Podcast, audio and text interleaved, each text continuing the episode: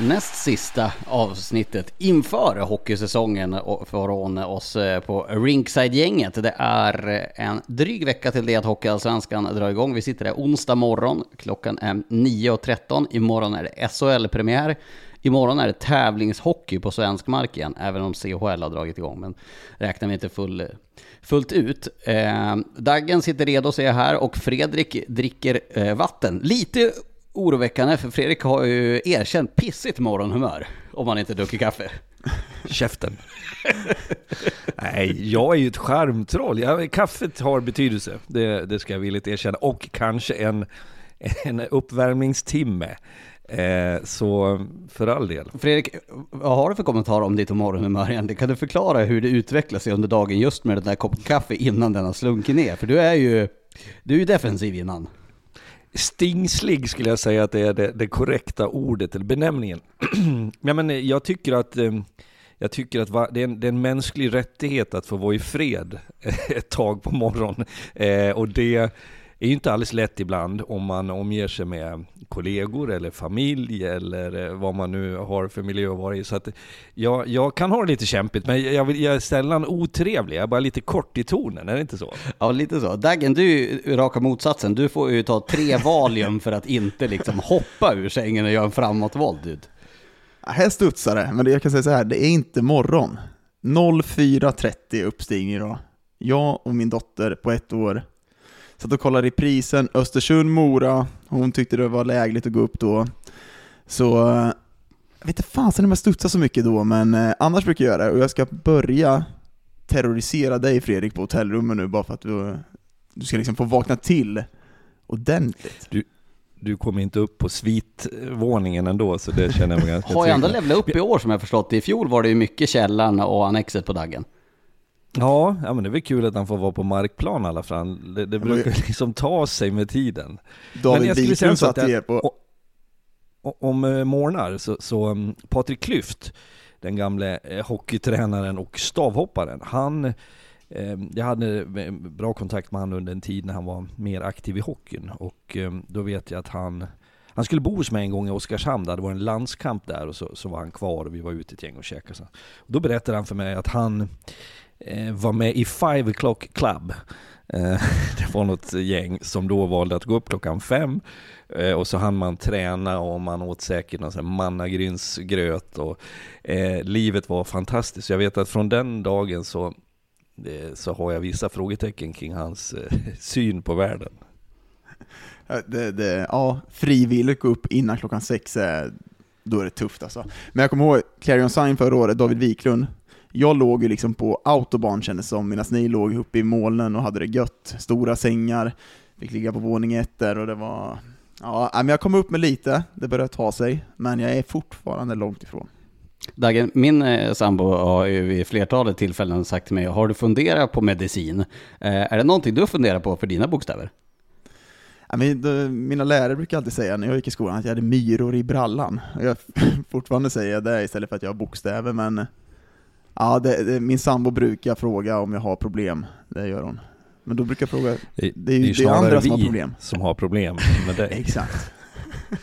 Ja, jag berättade om vad jag fick göra i skolan när, när, när jag gick i mellanstadiet. När, när jag fick liksom, när mitt energipåslag slog för högt, då kom vi överens på ett sånt föräldramöte att läraren så, eh, jag fick bara säga till läraren och då fick jag gå ut i, i korridoren i skolan och springa liksom ett varv genom hela skolan och komma tillbaka för att liksom springa ut lite överskottsenergi. Eh, Sen komma tillbaka för att göra lektionen lite bättre för alla, att jag inte skulle störa så mycket.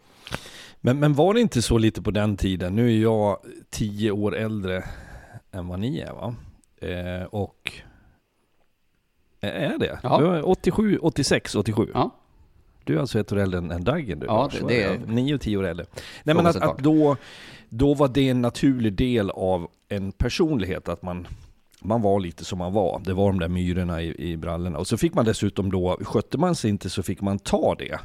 Eh, och i helgen så var jag på en sån här bondemarknad där de säljer vet, tvärs, grönsaker och, och potatis och så. Och där med en, eh, på, med, med en rullator så stävade fram en man och jag försökte liksom parera lite, jag gick där med eh, lite annat folk. Men han tog verkligen sikte som att det var en missil och då var det en, en gammal lärare till mig som hette Nisse Bond. Han måste vara 90 år. Eh, och han fullt klar i knoppen och fick syn på mig och ville hälsa och hade full koll och han tittade på TV och han följde hockey. Och jag kände så jag var så lycklig efter för att jag hade bilden av att jag måste ha varit ett helvetiskt jobbigt barn. Det här tror jag var i årskurs 5 och 6 som jag hade honom. Eh, men eller så har tiden förlåtit mig i hans ögon. För han var jättetrevlig och han, han pratade gott om mig. När jag gick därifrån var jag glad, jag var glad att han var pigg och fräsch. Men jag har tänkt på det att, att jag tror att man själv också tenderar att överdriva. Just för att folk omkring en säger ju att man var skvatt galen när man var barn. Ja, jag önskar att mina lärare kunde ställa sig där och säga det, men jag, jag hade det tufft under ungdomsåren. Det hade jag. Jag var myror i brallen som sagt, men det är väl gött det måste hända saker. Lindberg, Söderström. Ja, det gör man sitter ju sällan häktad för myror i brallorna. Det, det är inte det, det som... Lite hur man kanaliserar det kanske. Men det var ju Men, nästan när eh, Fredrik gick i, på, i grundskolan så var det ju nästan, det var ju barnaga som var på tapeten. Man fick en liten hutt ibland. Så, fröken Sonja ryckte en i örsnibben, det var helt okej. Okay. Ja. Det gjorde folk av mig. Linjalen. Ja, linjalen, den långa pekpinnen man fick man rätt ja, över. gick ju inte jag med, vad heter det, Guillous bok där på internatet. Ja, just det, Ondskan. Det ska komma ut en serie om eh, det på, på TV4 här i, i höst eh, Förra veckan så gick vi igenom hälften av lagen i Hockeyallsvenskan och eh, man kan ju säga att det är hockeyfeber. Eh, lyssnarrekord på, på Rinkside och, och folk är ju peppade på hockey som aldrig eh, tidigare, höll på att säga. Och eh, det som man hörde i feedbacken var att eh, Djurgårdarna, Brynäserna, Västeråsarna var fly förbannade för att de inte var med där. Men vi gick ju helt enkelt på, på lotten att vi hade hälften av lagen i den första helt enkelt. Och nu ska vi köra de övriga lagen. Och då kommer det att eh, spela ut sig så att Fredrik har tre lag han ska gå igenom, Daggen har två och jag har två. Vi ska sen eh, efter det att den som har sitt lag har pitchat sina idéer och, och vad, vad den står för så kommer vi ha lite frågestund och gå igenom lite grann tankar och funderingar kring lagen. Och eh, efter Fredrik nu har tagit några rejäla sippar så Fredrik får du serva ditt första lag som är Djurgårdens IF, finalspelande Djurgården från i våras som blev kvar i Hockeyallsvenskan. Vad har du för tankar om Djurgården?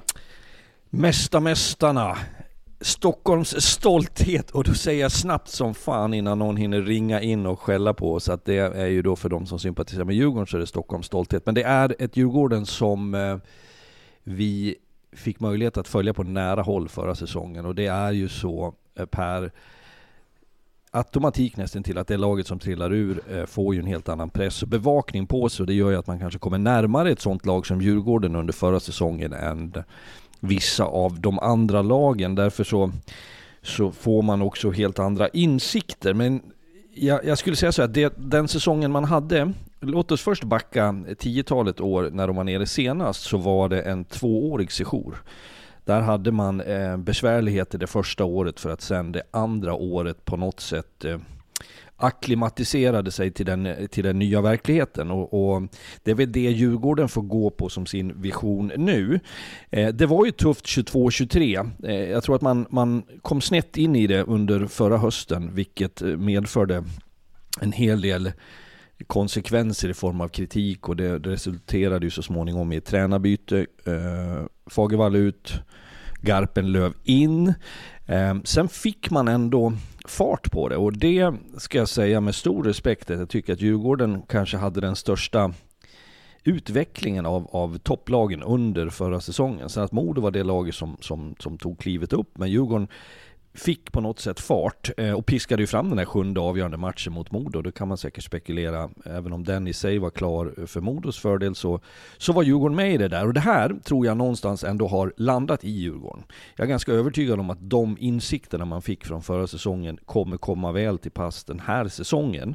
Eh, sen ska vi också under vår och sommar så har det väl uppdagats de här konsekvenserna som kommer av att man är nere. Ekonomiskt tufft, man har använt pengar som Eh, man, man på något sätt fick kämpa hårt för att få ihop. Eh, det har varit diskussioner om olika positioner i, i truppen och i gruppen och i klubben. Där Stoppel har hamnat på flera positioner, Garpen, Löv det sades är han den som ska ta över sportchefsrollen så småningom. Så det, för mig finns det lite flyende funderingar kring välmåendet för klubben, men, men den, den får avhandlas av andra. Rent konkret i det sportsliga och för laget, så tittar man på truppen så hamnade man ju i ett, för Djurgården, väldigt eh, tror jag, besvärande läge också. något som är väldigt tufft självbilden är att Djurgården tappar sina bästa spelare som nu kan gå uppåt. Förr har man möjligtvis kunnat reflektera om man ska gå sidled om man då inte hamnat i sig NHL.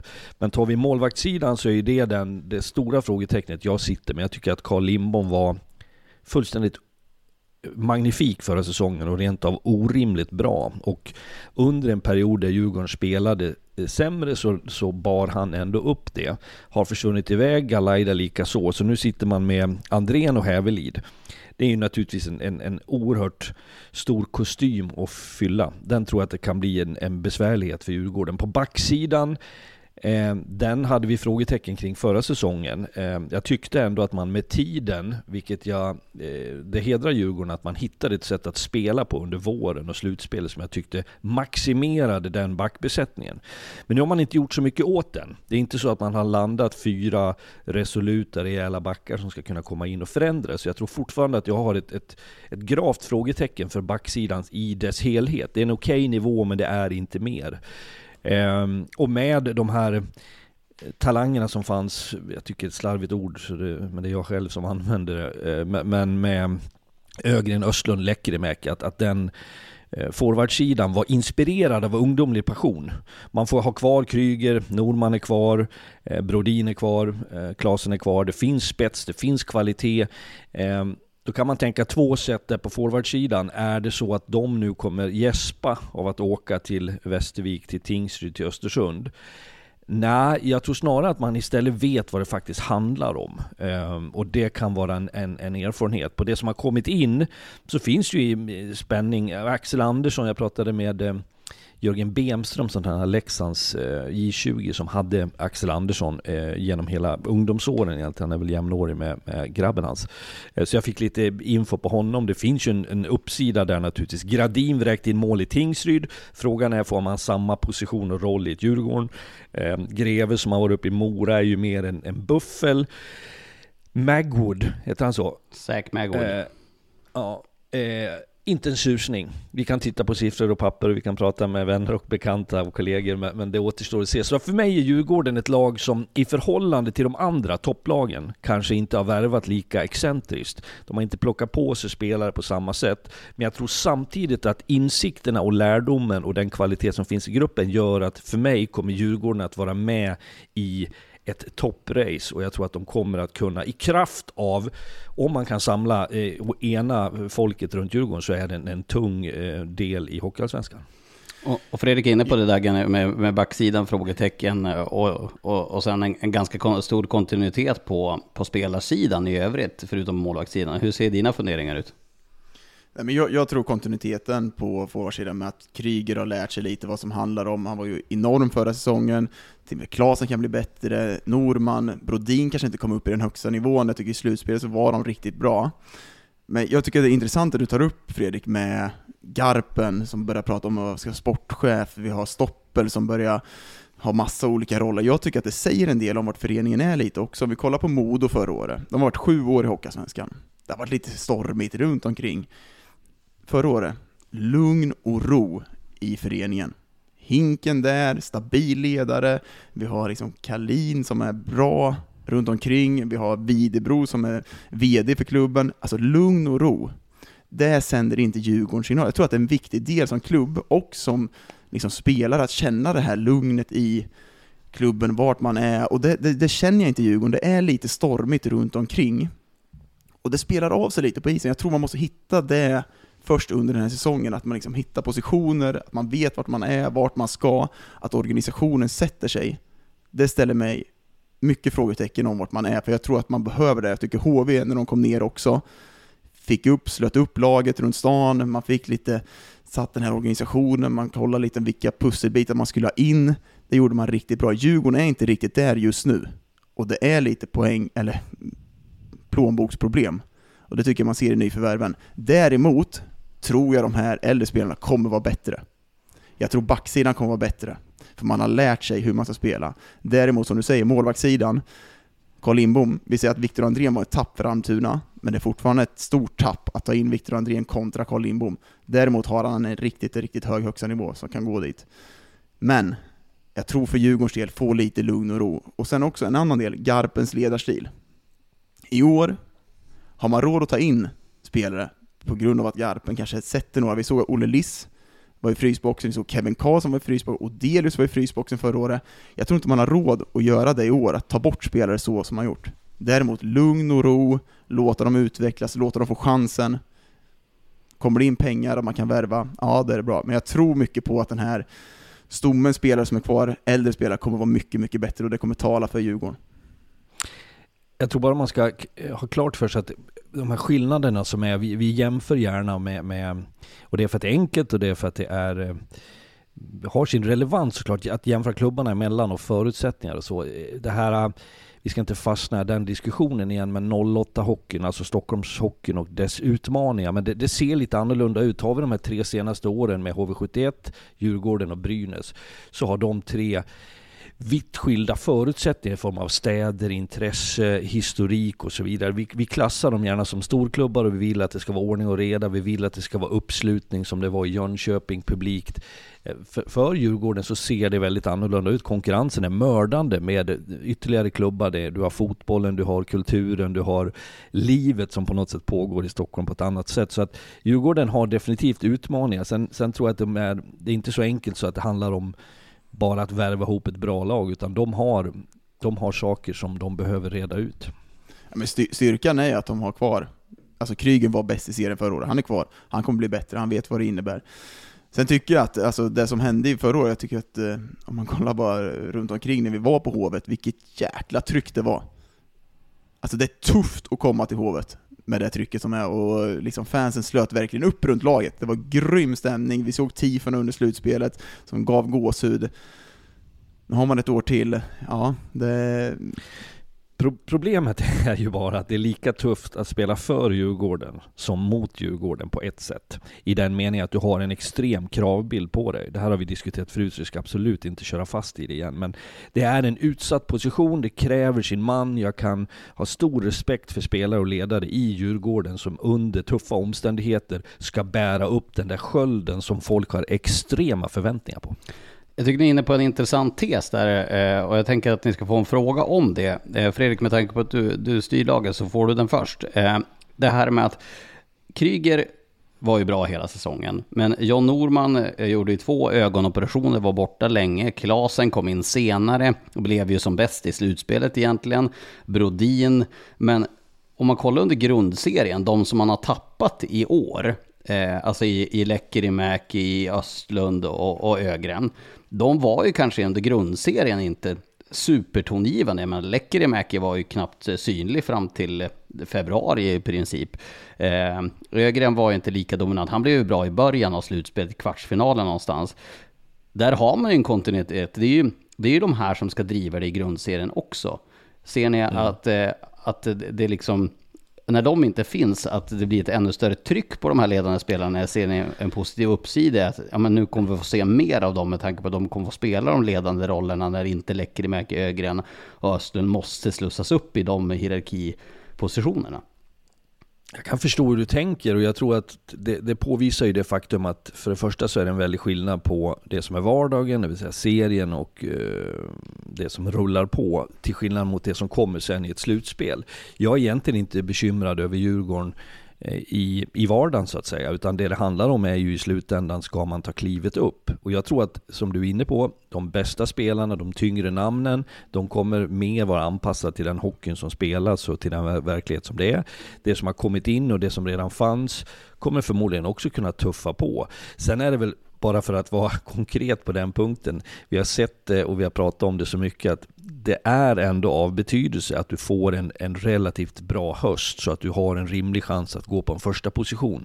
För att det är ju den som har satt HV71 först och därefter Modo i ett gynnsamt läge. Den har ju varit avgörande de senaste två åren. Den har varit det. Och det, det är det Eh, för tittar man på Djurgården som det var under förra säsongen från någonstans runt årsskiftet och framåt, så var ju det ett absolut topplag. Eh, och då menar jag liksom ett eller två rent poängmässigt, i synnerhet när Modo hade tufft med poängen. Hade det varit över längre tid kanske man hade kunnat knacka på den dörren, vad vet jag. Men jag tror att verkligheten är, erfarenheterna från, från förra säsongen kommer att gynna Djurgården på något vis. Ja, men sen, vi, vi var ju ganska kritiska mot hela Djurgården under långa delar av säsongen. Ändå går man till match sju, är så nära. Vi hade en backsida, vi sa att vi sminkade över backsidan, att den var inte tillräckligt bra, man spelar enkelt nerifrån. Men man är ändå där. Eh, så den här rutinen som är, jag tror att de kommer bli bättre som jag sagt, och det, det kommer tala för Djurgården. Och nästa fråga eh, som ni också varit och vidrört, det är ju eh, som jag skulle säga en problematik. De har tio backar på kontrakt just nu. En backsida som var, ja men den var inte i topp förra säsongen. Nu är Elliot borta, han har fortfarande ingen ny klubb för övrigt.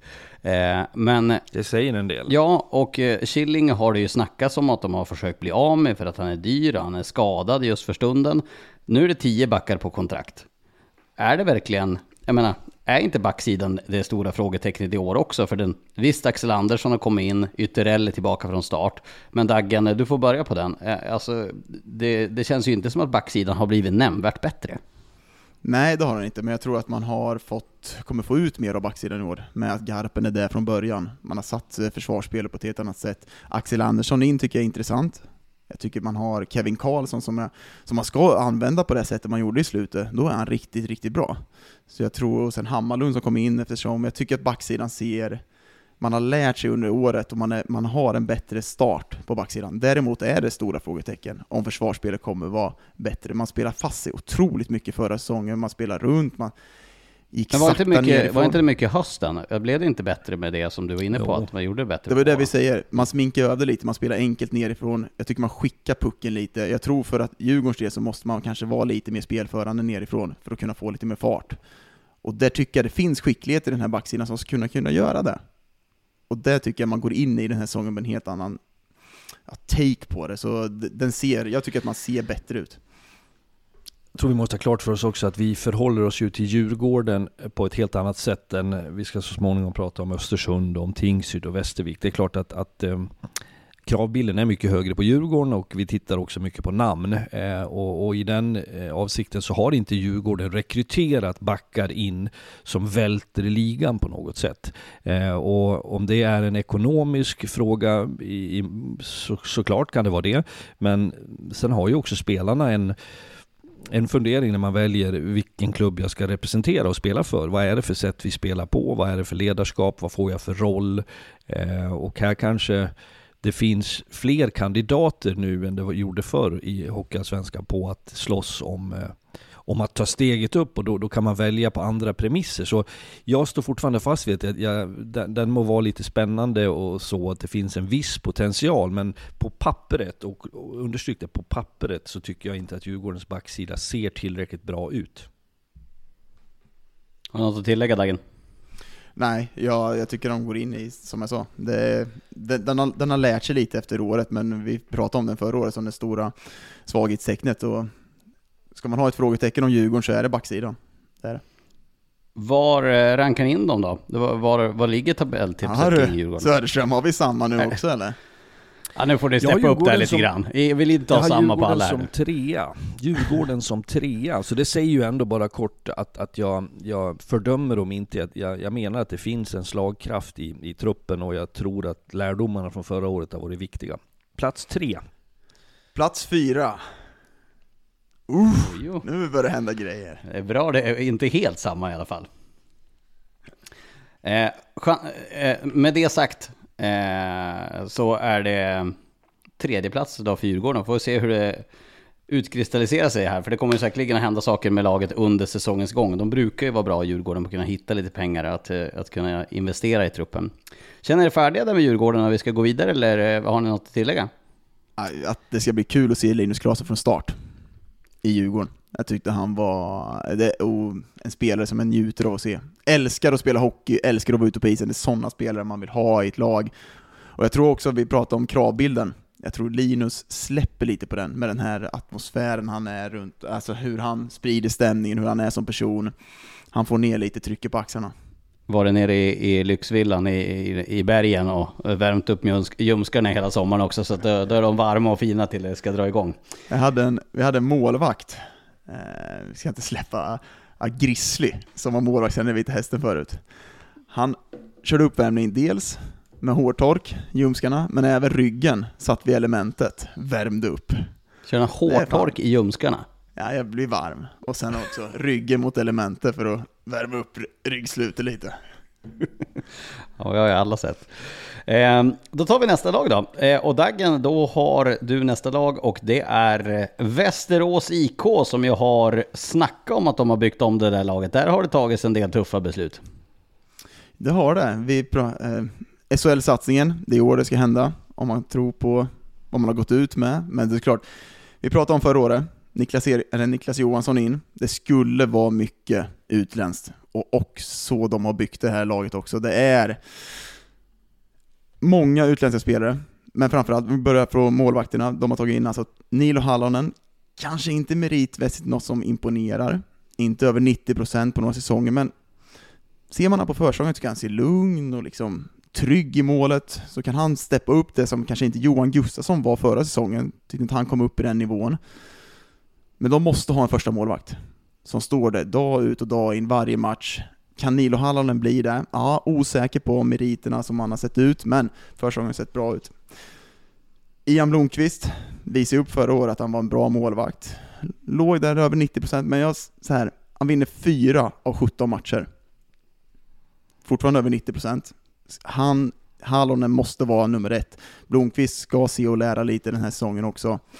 Så eh, målvaktssidan är fortfarande lite svajig. Däremot så har man stärkt upp backsidan otroligt mycket, och med Karl Helmersson in så förväntar jag mig att försvarsspelet ser mycket bättre, för det kommer vara ett prioriterat ämne för att Västerås ska bli bra. Gunnarsson Albano, som kanske inte färgar riktigt. Gunnarsson hade ju stora problem under förra säsongen. Nu tar man in, tycker jag, bra rekryteringar. Amel Krupic, Erik Flod kommer in, man har Kallo Lopponen eh, som kommer vara bra på den här backsidan. Och har man Helmerssons tänk försvarsmässigt så måste det sitta nu. Det måste bli ett försvarsspel som är bättre. Och då tror jag också Hallonen, Blomqvist kommer få en trygghet bättre runt sig. Och då blir det bättre målvaktsspel också. Men kollar vi på forwardsmässigt, det är här det har hänt explodera ordentligt. Vi har Konstantin Komarik som har kommit in som kanske är en av seriens bästa värvningar. Gillar hans kroppsspråk.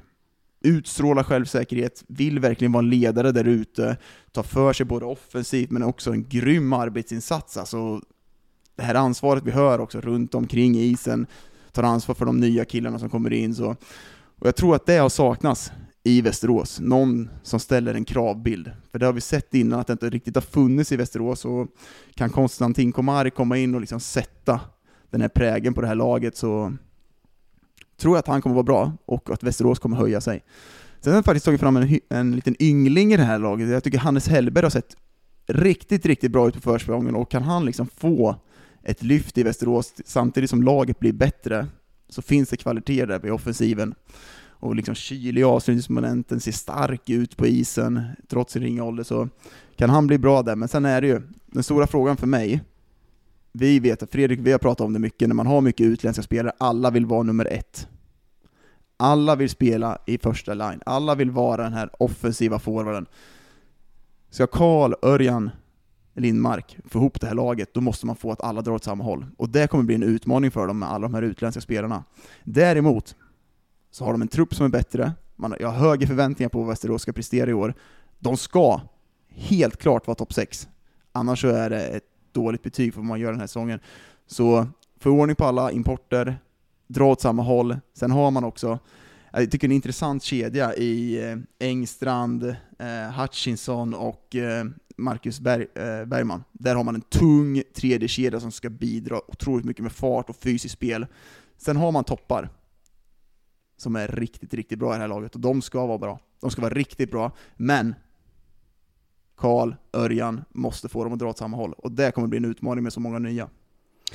Du var inne på det där om att eh, transatlanterna som man har tagit in, alla vill vara första forward. Och jag hör redan nu att det har börjat kosta i Västerås. Eh, för eh, jag fick eh, starka rapporter igår med eh, väldigt bra källa på att Brett Kemp inte ens kommer att vara med i laget vid säsongstart. Att Brett Kemp inte kommer att vara kvar i Västerås efter den här veckan. Men det här, det, här, visst, det här är ju ett problem när man tar in så mycket utländska spelare också. Du har ju varit i Oskarshamn, du har haft mycket sådana här spelare, Fredrik, du har ju stor erfarenhet från det. Det är, de har en helt annan kultur hur man är i ett lag. De vill vara den här drivande spelaren. Det, det ställs på lite annan spets på det. Fredrik, vad säger du om det? Att, att Brett Kemp redan innan säsongstart så har det problemet, den problematiken landat där, att eh, han är på väg bort redan? Jag är, inte, jag är inte särskilt förvånad, eh, egentligen inte alls. Och jag tror att det är så här, om jag ska låta cynisk, att av de här fem nordamerikanerna som Västerås nu har, så tror jag någonstans att man indirekt vet att en eller kanske två av dem kommer att vara oerhört bra överraskande bra och kommer förmodligen vara, föda en del reaktioner att wow. Men därmed också någon eller några som inte alls kommer att ta plats och kanske inte ens kommer att, så att säga, överleva eh, en premiär.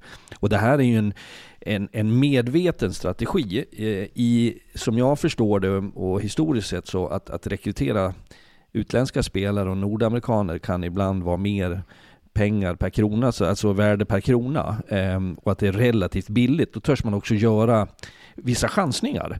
Ehm, det medför, och vi ska inte bli alltför djupa i det, men, men Dagen touchar ju vid det, att det är, en, det är en tuff balansgång att få den här eh, helheten att fungera för att de har en helt annan mentalitet, de, de söker en, ett annat rampljus, en annan plats, de tolererar inte på samma sätt att förvisas ner i hierarkin att spela i en lägre formation. Du får egentligen inte ut någonting av det. Så att nej, det är inte överraskande för mig. Och det är klart att det är ju det riskmomentet som Västerås sitter med. För det som har hänt, om jag bara ska ge min korta bild av Västerås, det är någon form av, för att eh, använda ett modernt eh, politiskt ord, ett paradigmskifte.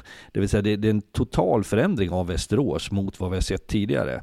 Det som man kom in med för ett par år sedan var att man skulle ha hjärtat i Västerås. Vi var med Zetterberg som sportchef, Pannanen var coach, du hade Gunnarsson, du hade Gustafsson, du hade Frycklund. Spelare som skulle bära upp Vikskölden med stolthet. Det föll. Sen om det föll på grund av dem i sak är jag inte säker på, utan det är naturligtvis en helhet som, som havererar det där. Nu är det helt nytt. Det är helt annorlunda. Ehm, det är en Helmersson som vi vet vurmar för defensiven, för det samlade, för det enhetliga i den trupp som Helmersson för, förfogar över så är det cowboys av, av, eh, i form av nordamerikaner som har väldigt svårt att akklimatisera sig till svensk hockey, till att vara konsekvent, till att prioritera rätt. Och den kollisionen från ett tränarperspektiv är jätteintressant att titta på. Jag är inte helt säker på att, att det kommer att gå smärtfritt.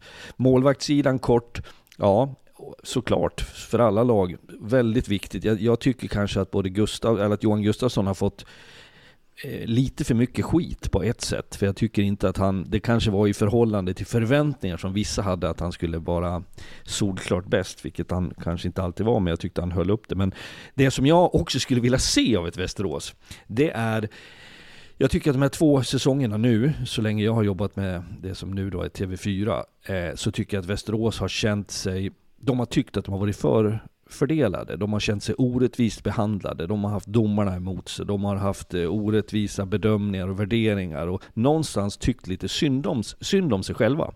Och det har inte Västerås utrymme för. Västerås ska vara en stöddig, kaxig klubb. Jag tycker att de är en färgklick med sin ambitionsnivå, det finns en drivkraft. Men då ska man också bära upp det och då måste det vara en rövarkula i Västerås att komma till. Det ska vara jobbigt att möta dem. Det ska inte vara tacksamt att de drar på sig fem minuters utvisningar, utan det ska vara tufft, det ska vara intensivt, det ska vara fysiskt. Och där tror jag att kan Västerås trycka upp den delen lite till, då kommer det vara mycket jobbigare att spela mot Västerås. Och jag tycker att det jag har sett av dem den här försäsongen och när jag har pratat med lag tränare som har mött Västerås så har de sagt att de har känt en helt annan energi. Det har varit fart på Västerås, vad de kör. Att det finns något spännande där. Så att det är med stor nyfikenhet jag ser fram emot att följa Västerås.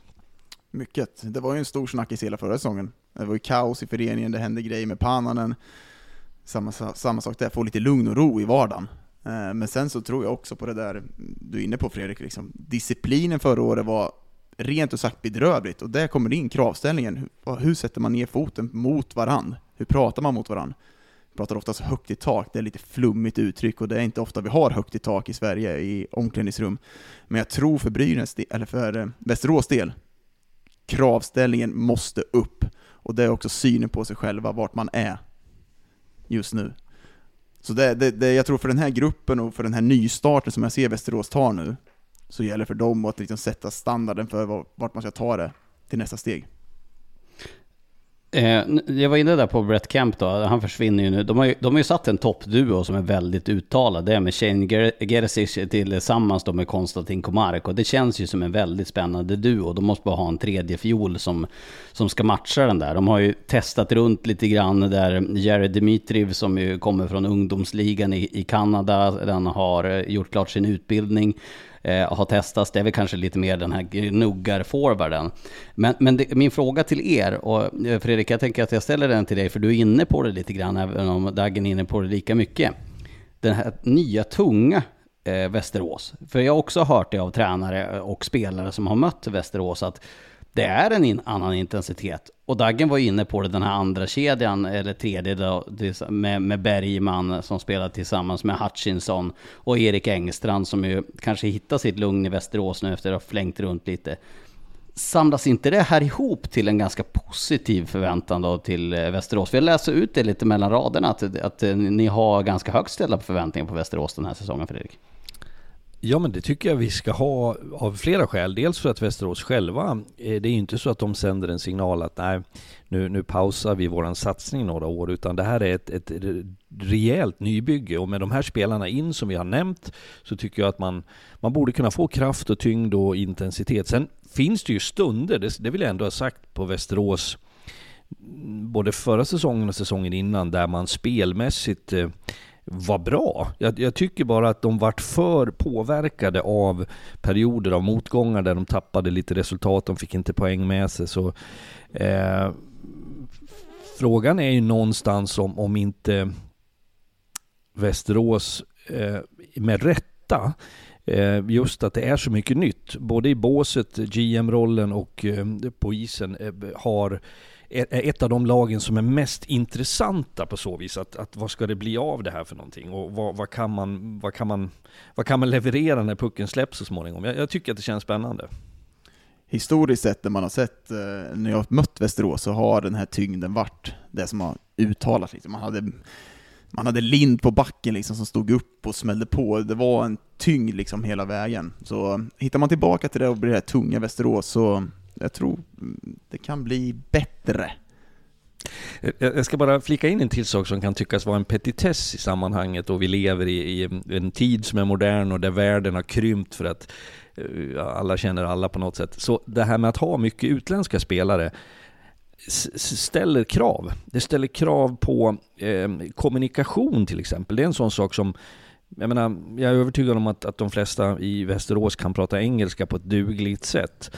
Men det vi ska veta är också att i ett lag som lever så tätt in på varandra, man ska kommunicera, man ska ställa krav, man ska ha förväntningar på varandra, så är det lätt med missförstånd när det är ett, ett språk som ska talas som kanske inte passar. Jag, jag, ett av åren i Oskarshamn så hade vi, det var sju eller åtta icke-svensktalande spelare, där engelskan på något sätt sa vi, det, det måste vara engelska konstant. Min engelska var, var helt okej. Okay. Så hade vi Johan Lundskog, var en, en kollega till mig som idag, han har varit i Bern, nu är han i Tyskland som tränare. Han har bott tio år i Kanada, gift med en kanadensisk kvinna. Eh, pratar ju flytande, perfekt engelska. Och sen Arto Mietinen som idag är i Tingsryd var också med där, vars engelska är väl i, i linje med vad en vanlig svensk är så att säga. Fast han är finne då, för all del. Eh, men det jag vill komma till är att det uppstod mycket missförstånd. Eh, och en spelare som, som eh, kom fram till mig under senhösten och sa att en svensk, att alltså det här med att vi pratar engelska, jag förstår inte allt. Eh, då hamnar problemet istället på de svenska spelarna och kommunikationen är så viktig. Man kan fnissa åt att det skulle vara problem, men det är ett dilemma. Sen är det den här kulturkrocken. Och den tar sig uttryck i form av eh, acceptansen för att ha en, en, en, mindre roll, den har inte nordamerikanerna om jag, om jag gör det enkelt för mig. De har inte, de är inte här för att spela eh, 12 minuter per match. De är inte här för att vara i ett tredje backpar eller spela en fjärde lina. De köper inte det. Och det föder i sin tur gnissel och en problematik som är ganska tuff att hantera. Så den utmaningen, den ligger i Helmersson och Lindmark och Niklas Johanssons knä.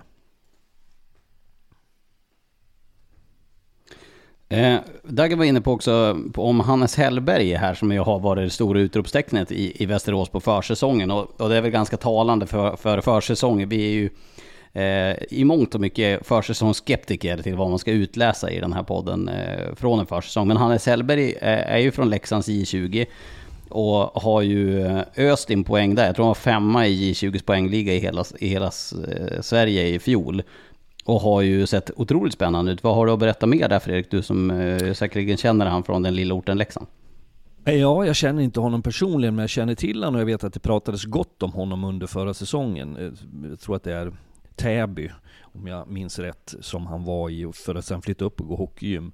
Jag tillhör ju en kategori där eh, några var riktigt bra i det J20-laget, men utan att ta någonting från Hellberg så har vi sett förut att det finns många spännande spelare som kommer från det som förr hette superelit som nu heter, vad säger man att det heter, nationell? J20 nationell. Ja. Eh, men, men startsträckan är ganska lång och jag tror du sa det nyss Lars. De är inspirerade i början och de vill gå för att visa upp. Men det finns något intressant över honom och han har levererat. Jag tycker han har varit jäkligt produktiv, kreativ det jag sett i J20-matcher. Så att det är absolut ett spännande namn, men jag tror inte vi ska tänka oss att han ska vara ledande i Västerås. Sen har jag en till grej eh, för att eh, anknyta. Dagen, du var inne på det i din presentation. Men eh, det här måste ju ändå vara en av ligans, på pappret, starkaste backsidor. Jag menar, eh, du adderar eh, in Erik Flod som har sett riktigt bra ut och börjar lära sig lite mer av det defensiva spelet. Jag tycker man såg en grit i honom under stunder i AIK. Du har Amir Krupic som har varit en toppback i den här ligan som har lärt sig defensiven ifrån Växjö i fjol. Som var med och vann ett SM-guld. Då spelade han en hel del matcher i, i Växjö ändå, om än i en otrolig konkurrens på den backsidan såklart. Du har kvar Bom, du har fått in Lopponen, du har Jimmy Jansson Låre kvar, eh, som får utvecklas, han fick ju en del förtroende redan i fjol. Östman var det stora utropstecknet inför säsongen i fjol, som kanske inte lyfte riktigt dit. Lindelöf är kvar. Dagen, det här är väl, eh, det måste ju vara en av ligans på pappret starkaste backsidor. Den är stark, den är riktigt stark och det, jag tror att för Karls del så tror jag att han, det är det han vill ha också i den typen av backar. Jag gillar ju floden gillar rörligheten på skridskor, hur han löser situationer, kanske brister ibland i försvarsspelet med Amir Krupic in där. Ja, den ser faktiskt väldigt bra ut och den behöver vara bra för att försvarsspelet var direkt undermåligt eh, förra säsongen. Jag tror också att det är en, en fråga om att kan du paketera den här spetsen framåt. Ponera att, att, att man får ett gott utfall på tre av fem av de här nordamerikanerna som har den här, det här raka, eh, man är att, har ett attackresonemang i offensiven. Så kan, kan du i den bästa av världar bygga en solid defensiv där de här backarna prioriterar, jobba klart det, du kan sätta fart på spelet, du får drivet framåt. Jag tycker parametrarna finns där för att Västerås skulle kunna vara väldigt, väldigt bra. Och jag tycker också som jag sa, bara för att stänga det från min sida, kan du dessutom addera då den här gritten, det här, den här karaktären på ett lag där du istället för att tycka att du är orättvist behandlad, gå för, spela fysiskt, kommer under skinnet på det, att du lever upp till en viss stöddighet. Då är ju Västerås, ja, de är ganska tuffa att möta. Men det summerat då, var placerar ni Västerås den här säsongen? Jag placerar Västerås, som vi sa, topp 6, men de är femma. Västerås är, jag var tvungen att kolla på vad jag hade satt dem på listan så att jag inte... Tolva? Far med Femma är de på ja. min. Ja, men det... det är bara att konstatera att vi... Tänker lika. Ja. Bra att du ah, skickade det sms förut, Fredrik. Så vi, så vi, ja, men bra att du skickade det sms förut, så vi har lika liksom. men, men, jag tycker att eh, när vi summerar Västerås eh, innan vi går vidare till nästa lag, så efter mycket skit i fjol, så är det ju positivare tongångar att det finns anledning till att västeråsarna kan eh, börja gå tillbaka till ABB Arena, till Rocklunda. Nej. Eh, ja, men jag skulle bara innan vi går vidare, det var ju, tyckte jag, intressant under förra våren där när vi fick in en kollega i Västerås Bås. Om ni minns så var det ju så att eh, när man gjorde sig av med Pannanen så, så tog man ju en Simor en, en, en finsk simor profil Tero Lehtere. Eh, och då till min fråga, vet ni vad Tero Lehtere ska göra nu? Nej. Nej, och det, jag önskar att jag hade kunnat sagt att han ska till Brasilien och träna landslaget där. Men jag, jag förutsätter, för han står inte uppsatt på något lag, vad jag kan se. Jag har försökt läsa på lite, så jag tror att han har gått tillbaks i rollen som kollega till oss och, och därmed får vi säga varmt välkommen tillbaka till er. Ja, men, fan, De har nya bättre- kostymer till i år. De har bättre kostymer i finska, de får ju köra så här, de får sväva ut lite. Man står med Tycker de är fina? De stod med någon sån här eh, stor björn, ja, ni vet, på huvudet. eh, De har lite sändning, mer så- loosey-goosey i deras klädkod tror jag. Det, det De får sticka ut lite mer. Ser ju Men däremot- jävligt ut om jag ska vara ärlig. Terrolettere, mysfarbror Ja, förra året, när han kom in. Otrolig mysfarbror. Nej, och det- Mio de- Schiller är kvar. Men jag vill bara säga det, Västerås, ett av de lagen som man är mest intresserad av och vad de ska ta vägen den här säsongen. Blir det något med Patrik Berglund då? Nej, Det tycker jag inte man ska göra. Ja, då har vi stängt det. Eh, då går vi vidare till mitt första lag eh, för det här poddavsnittet. Och då behöver vi inte åka så där jättelångt västerut, västerut för att eh, hitta oss till Karlskoga. Karlskoga som blev sexa i eh, tabellen i fjol fick ju möta Djurgården i, eh, i kvartsfinalen då efter att eh, Södertälje valde att möta Mora. Och man åkte ut där med fyra raka förluster och var ju aldrig speciellt nära där Djurgården var klart starkare. Det har hänt en del. Volden har försvunnit. Lilja har åkt till Luleå, Stakkista till HV71, Aronsson till Linköping. Men man har ändå på något sätt, jag skulle vilja ändå säga att man har stärkt upp backsidan ganska ordentligt när man har fått tillbaka Viktor Lang. Albert Lyckåsen vände tillbaka efter en säsong i AIK som ju säkerligen har lite revanschlusta. Han, eh, det finns ju en potential i honom. Man får in eh, Stefan Milosevic som ändå fick göra eh, ett gäng SHL-matcher i, i Frölunda i fjol. Han var J20-kapten i Frölunda. Man har ju uppenbarligen en kontakt där mellan Frölundas J20, att det skeppas vidare via Karlskoga. Och sen då, eh, när Kristianstad försvann så fick man in Rickard Olsén, som jag tycker är ett kalasförvärv på backsidan. Utöver det så har man eh, adderat på forwardsidan en eh, Jesper Norbeck som det känns som att han efter förr, förra säsongen var det ju snack om SHL till och med kring han, att det fanns en väldigt positiv uppsida. Känns exakt som den värvningen som, som Karlskoga ska ta in. En Jesper Norbeck som kan få det här uppsvinget. Man har adderat dubbelt eh, norskt där Eskil Backe Olsen får stora utropstecken efter försäsongen. Ser ju väldigt, väldigt fin ut. Jag vet att Daggen och Fredrik, ni kommer väl att prata mer om honom senare. Theodor Pistek har kommit in. Var ju delad poäng etta i Kristianstad. Det tycker jag också är en offensiv uppsida. Man har fått in Hampus Plato som har eh, SHL-rutin från Oskarshamn bland annat. Man har adderat Filip Svenningsson som har bevisat sig som målskytt i den här ligan flera gånger. Han gjorde 22 poäng för två år sedan, 23 poäng i fjol i Modo trots skada. Där finns det en positiv uppsida. Och sen den stora värvningen att man har fått tillbaka Gustav Torell som ju var en del av kanske ligans bästa kedja för två år sedan när han spelade tillsammans med Henrik Björklund och Linus Karlsson. Då gjorde han 47 poäng den säsongen. Kanske inte att han kan upp till det, men det är ju en klasscenter som vänder tillbaka för att leda och vara kanske lite den här pappan tillsammans med Gustav Fransén, en del av ledartrojkan i det här laget. Men den stora grejen är att man har ju helt bytt ledarskap där Dennis Hall kommer in från Hudiksvall där han har spelat en offensiv hockey med mycket puckinnehav. De har ju varit ett topplag länge i Hudik och fallit på målsnöret flera gånger om här för att ta steget upp i Hockeyallsvenskan. Men jag hör positiva grejer kring Dennis Hall, att han har kommit in med en offensivare prägel på det här laget. Det ska bli lite styggare Karlskoga. Jag tror, som vi har varit inne på i podden här under sommaren och under våren, att man behöver ha tillbaka lite grann till den Karlskoga-ådran. Och Dagen, det kommer jag bolla in dig på, men det känns ju som att det är det som stan vill ha.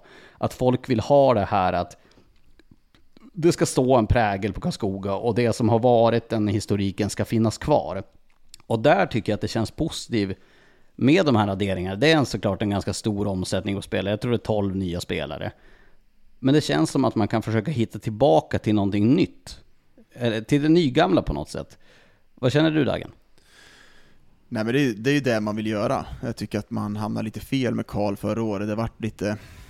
Man var inte den där gruppen som drog åt samma håll. Jag tycker man hade ledartrojkan på en sida, sen hade man truppen som drog åt ett annat. Så det var behövligt, och det man hör från Dennis Hall, hur han pratar och hur han vill ha ut det på isen, så pratar han precis så som Karlskoga-publiken. Man ska ha ett hårt jobb, man ska ha den här offensiva spetsen som finns, som finns i den här truppen, men framför allt, man ska fasen mig göra jobbet varje kväll. Och torskar man, har man gjort allting. Det kräver Karlskoga-publiken. Och det, det tycker jag Dennis Hall har kommit in Sen finns det en jäkla uppsida i Karlskogas trupp. Jag tycker du pratar om Gustav Torell, ja jättenyfär. Däremot kanske förväntningarna är på han att vara bra direkt här nu. Han har spelat två, två säsonger här, destruktiv hockey, stängt ner första kedjor, spelat en helt annan roll. Jag tror det kommer ta tid för han att komma in i det här tänket igen, att vara en offensiv spelare, driva laget. Så jag tror man kommer få effekt efter jul på Gurra, för han är riktigt bra när han är bra i den här serien, en av seriens bästa spelare. Jag måste bara säga om Gustav Torell, jag hörde på första träningsmatchen, han hade ju bara spelat en 6-7 minuter egentligen nere i, i Prag här sista, sista säsongerna. Och första träningsmatchen han spelade 20 minuter, och så inför tredje perioden låg han och hade kramp. visste inte hur det var att spela 20 minuter igen. Det kommer bli tufft men jag var ju, var ju träffade dem här nu när de mötte Nybro eh, förra veckan. Och jag, så här, när, man, när man kom in i Karlskogas omklädningsrum förra året så kändes det som att det var det drog inte åt samma håll på samma sätt. När jag kommer in nu, då tycker jag att det tjoar, simmas, jag känner igen den där bikandan som har kommit tillbaka lite. Jag tycker att, eh, om man pratar om Dennis Hall, eh, han är en del av gänget och det är så man vill se det också, att det är inte spelare eller ledare på en sida. Det är Dennis Hall tillsammans med det här laget som ska gå framåt. Så jag hör mycket bra om Dennis. Nu ska man också få ut det på isen det är lätt att sitta och säga vad man ska göra, att få ut den här Karlskoga-hockeyn igen, men det, det finns något positivt runt Karlskoga just nu och jag tror man kan få effekt av att Dennis är där. Jag måste bara flika in, för Fredrik eh, håller upp telefonen här och nu kom det ut att eh, Brett Kemp eh, lämnar Västerås. Vi, vi fick ju tyvärr inte släppa det, men när ni hör det här så kan vi säga att vi var först. Men skitsamma. Vi var väl först, men ändå med dagens medier måste komma men det. Ja, skitsamma. Ja. Men sen ja, en sak till. Jag tycker att den här, den här norska duon. Du har ju haft lite kontakt med dem Fredrik, det är väl dina adepter, det är du som har lärt upp dem. Det är du som har satt en prägel på dem. Men Backe Olsen, hyperintressant eh, på försäsongen, jag tycker att han har sett riktigt, riktigt bra ut. Den här klassiska centern måste vara en fröjd att spela med som back. Alltid spelbar, lös situationer under press, har en jäkla uppsida offensivt. Tycker Simen också ser bra ut, och den kedjan med Simen, Backe och Pisztek har varit fruktansvärt bra på försäsongen. Så kan han få ut lite under säsongen också så tror jag att Backe kommer vara det utropstecken i Karlskoga som behövs på centersidan. Karlskoga äh, har jag, jag tycker Karlskoga är en komplex äh, klubb, ett komplext lag att värdera och bedöma lite grann för att det finns också en äh, en historik som, den kan ju du Dagen som är en del av Karlskogas historia. Det kan du kan du inte göra så mycket åt. Eh, eh, och det gör ju att du, du, du ser det här på ett lite annat sätt. Som, som en neutral eh, bedömare och eh, tidigare motståndare till Karlskoga så har jag alltid haft stor respekt för förmågan att vrida ur så mycket som möjligt ur eh, vissa säsonger ganska begränsat material. Det har funnits en, en, tradition och en kultur som har varit väldigt stark där. Sen förändras ju tiderna, personligheterna eh, går ur hockeytiden så att säga, man slutar eller går vidare. Och sakta men säkert så tror jag att strukturen även på Karlskoga kommer att förändras. Ingenting som, som varar för evigt så att säga. Eh, ibland kan jag känna att man, man strävar efter någonting som var dåtid att man tittar tillbaka historiskt. Jag är född och uppvuxen i Leksand och vet att Leksand pratar om lirarnas lag och eh, det man värderar och bedömer som framgång, det kom på 70-talet och någonstans behöver man förstå att, att det kommer nya tider, det blåser nya vindar. Det Karlskoga gör nu, som jag uppfattar det, det är att man försöker ta ett, det är ett omtag där man vill ha en förändring på strukturen. Man ska gå tillbaka några steg för att man ska stå för någonting där som ni är inne på lite grann. Att det ska, du ska känna stolthet över din klubb och ditt lag alldeles oavsett hur resultatet på tavlan var. Bara du har gett allt. Och i grunden så är det en vacker tanke. Jag vet att det här är säkert någon som reagerar på vad jag säger nu. Men man måste också vara cynisk nog att förstå att i slutändan så handlar det om resultat. Det gör det för alla. Annars är man inte med på rätt villkor. Det handlar om resultat. Sen kan man naturligtvis säga att ja, men vi, vi är hellre nia. Jag ser att du, du skakar lite på huvudet Dagen. Eh, men tittar du på de senaste tre åren för Karlskoga, för det här är fakta som man inte kommer ifrån, så har man slutat eh, med, med, med, risk för att blanda ihop åren. Så man varit, har man varit trea, tvåa och sexa? Ja, var det så? sexa i fjol. Det har varit semifinal, semifinal, kvartsfinal. Resultatmässigt är det ju med beröm godkänt. Sen vet inte jag vad visionen är. Är den att ta klivet upp och spela SHL? Då är det ett underkännande såklart. Är det att man ska representera Karlskoga och bygden, publiken ska känna stolthet? Ja men då kanske man i det där området att placera sig någonstans 4, 5, 6, 7, 8 är helt okej. Okay. Men, men jag, jag, jag får ingen riktig klarhet i vad det är man egentligen vill. För jag är inte säker på att för att man spelar en annan typ av hockey, att det nödvändigtvis kommer ge bättre resultat. Förstår ni min frågeställning? Jag förstår precis din frågeställning, och jag, jag säger så här att jag tror att vi pratar om att eh, höga svansföringen som Västerås har haft, att man, jag säger så här, måste man verkligen ha en uttalad, eller kan man bara vara nöjd? Vi kommer vara ett jäkligt bra allsvenskt hockeylag. Där tror jag man kanske har sett om lite, jag tror att truppen och drivet i föreningen, liksom, det, det är såklart som fan man vill gå till SHL. Men jag tror att man har landat lite i att vi ska vara ett jäkla bra topplag i Hockeyallsvenskan och, och ädla det på ett sätt. Sen tror jag inte, jag säger så här, man vill inte vara tillbaka till gamla 90 hur Karlskoga spelat, det bara var gris med en jäkla spets, för det ska man komma ihåg. Det var riktigt skickliga spelare under den tiden som var i Karlskoga. Men man drog åt samma håll, och det tyckte inte man gjorde. Och det är det viktigaste för Karlskoga. Att man har en kärna spelare, ett viktigt lag som drar åt samma håll. Är det två spelare där, då ska det vara tre, fyra Karlskoga-spelare där. Man ska stå upp för varandra i vått och torrt. Och det är en viktig aspekt, att tillsammans med Dennis Hall göra det. Sen strävar man inte efter att bli det här grisiga laget, för det ser man. Det kommer man inte över tid vara ett topplag i Hockeyallsvenskan, för det klarar man inte av att bara grisa ner sig. Man måste ha Jesper Norbeck, eh, de tar in Backe Olsson, den typen av spelare som driver laget offensivt också. Eh, jag har Dennis Hall har jag jobbat tillsammans med, det har vi pratat om förut, så vi ska inte fastna i det. Men jag, jag har hyfsat koll på Dennis, jag känner honom relativt väl, vet att det är en väldigt driven, ambitiös tränare. Jag tycker också att han står för en, en utvecklande hockey, och med det menar jag att det finns en omtanke av spelarna, eh, men också en kravbild. Jag tycker att han pratar i termer om att man vill kontrollera matchen, man vill ha puck, man vill göra något vettigt med det, man vill inte stå och vänta. Och det där är en bra, hög ambitionsnivå. Sen är ju allting eh, smärtfritt mer eller mindre på en försäsong. Och den här veckan ska man ju prata och inte prata med tränare egentligen för att alla befinner sig i samma fas. Just nu så är det ju... Guld och men bakom, Ja, det är så. Men skrapar du lite på den ytan så har de naturligtvis tvivel. Och det som kan bli intressant att se, vad, är de, vad, vad händer med Karlskoga om det går emot lite grann i starten? Vad blir reaktionerna externt, men framförallt internt? Tapp, vågar man stå fast vid eh, sin spelidé?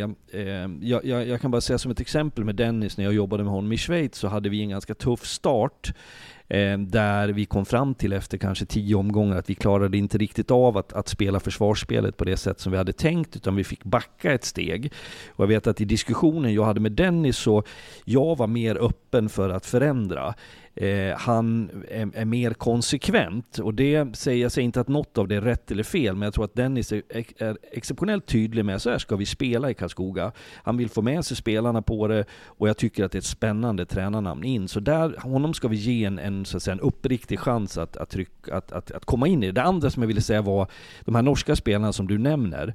För det första är det väldigt svårt att omförvandla, om, eh, sett till norsk kvalitet, har man gjort 25-30 poäng i, i norska ligan ligan. Vad innebär det för att spela i Hockeyallsvenskan? Men det jag vet är att jag med intresse ska se både Edvardsen och Backe Olsen. För att det finns en hög ambitionsnivå hos dem. De är väldigt drivna, de är fysiska praktexempel. Jag råkade se någon video på Simon André här nyligen från Karlskoga där han pumpar på med stänger och kör som att det vore det sista han gjorde. Och det där det är åtminstone en, en egenskap som, som, som kommer vara värdesatt och uppskattad i, i BIK.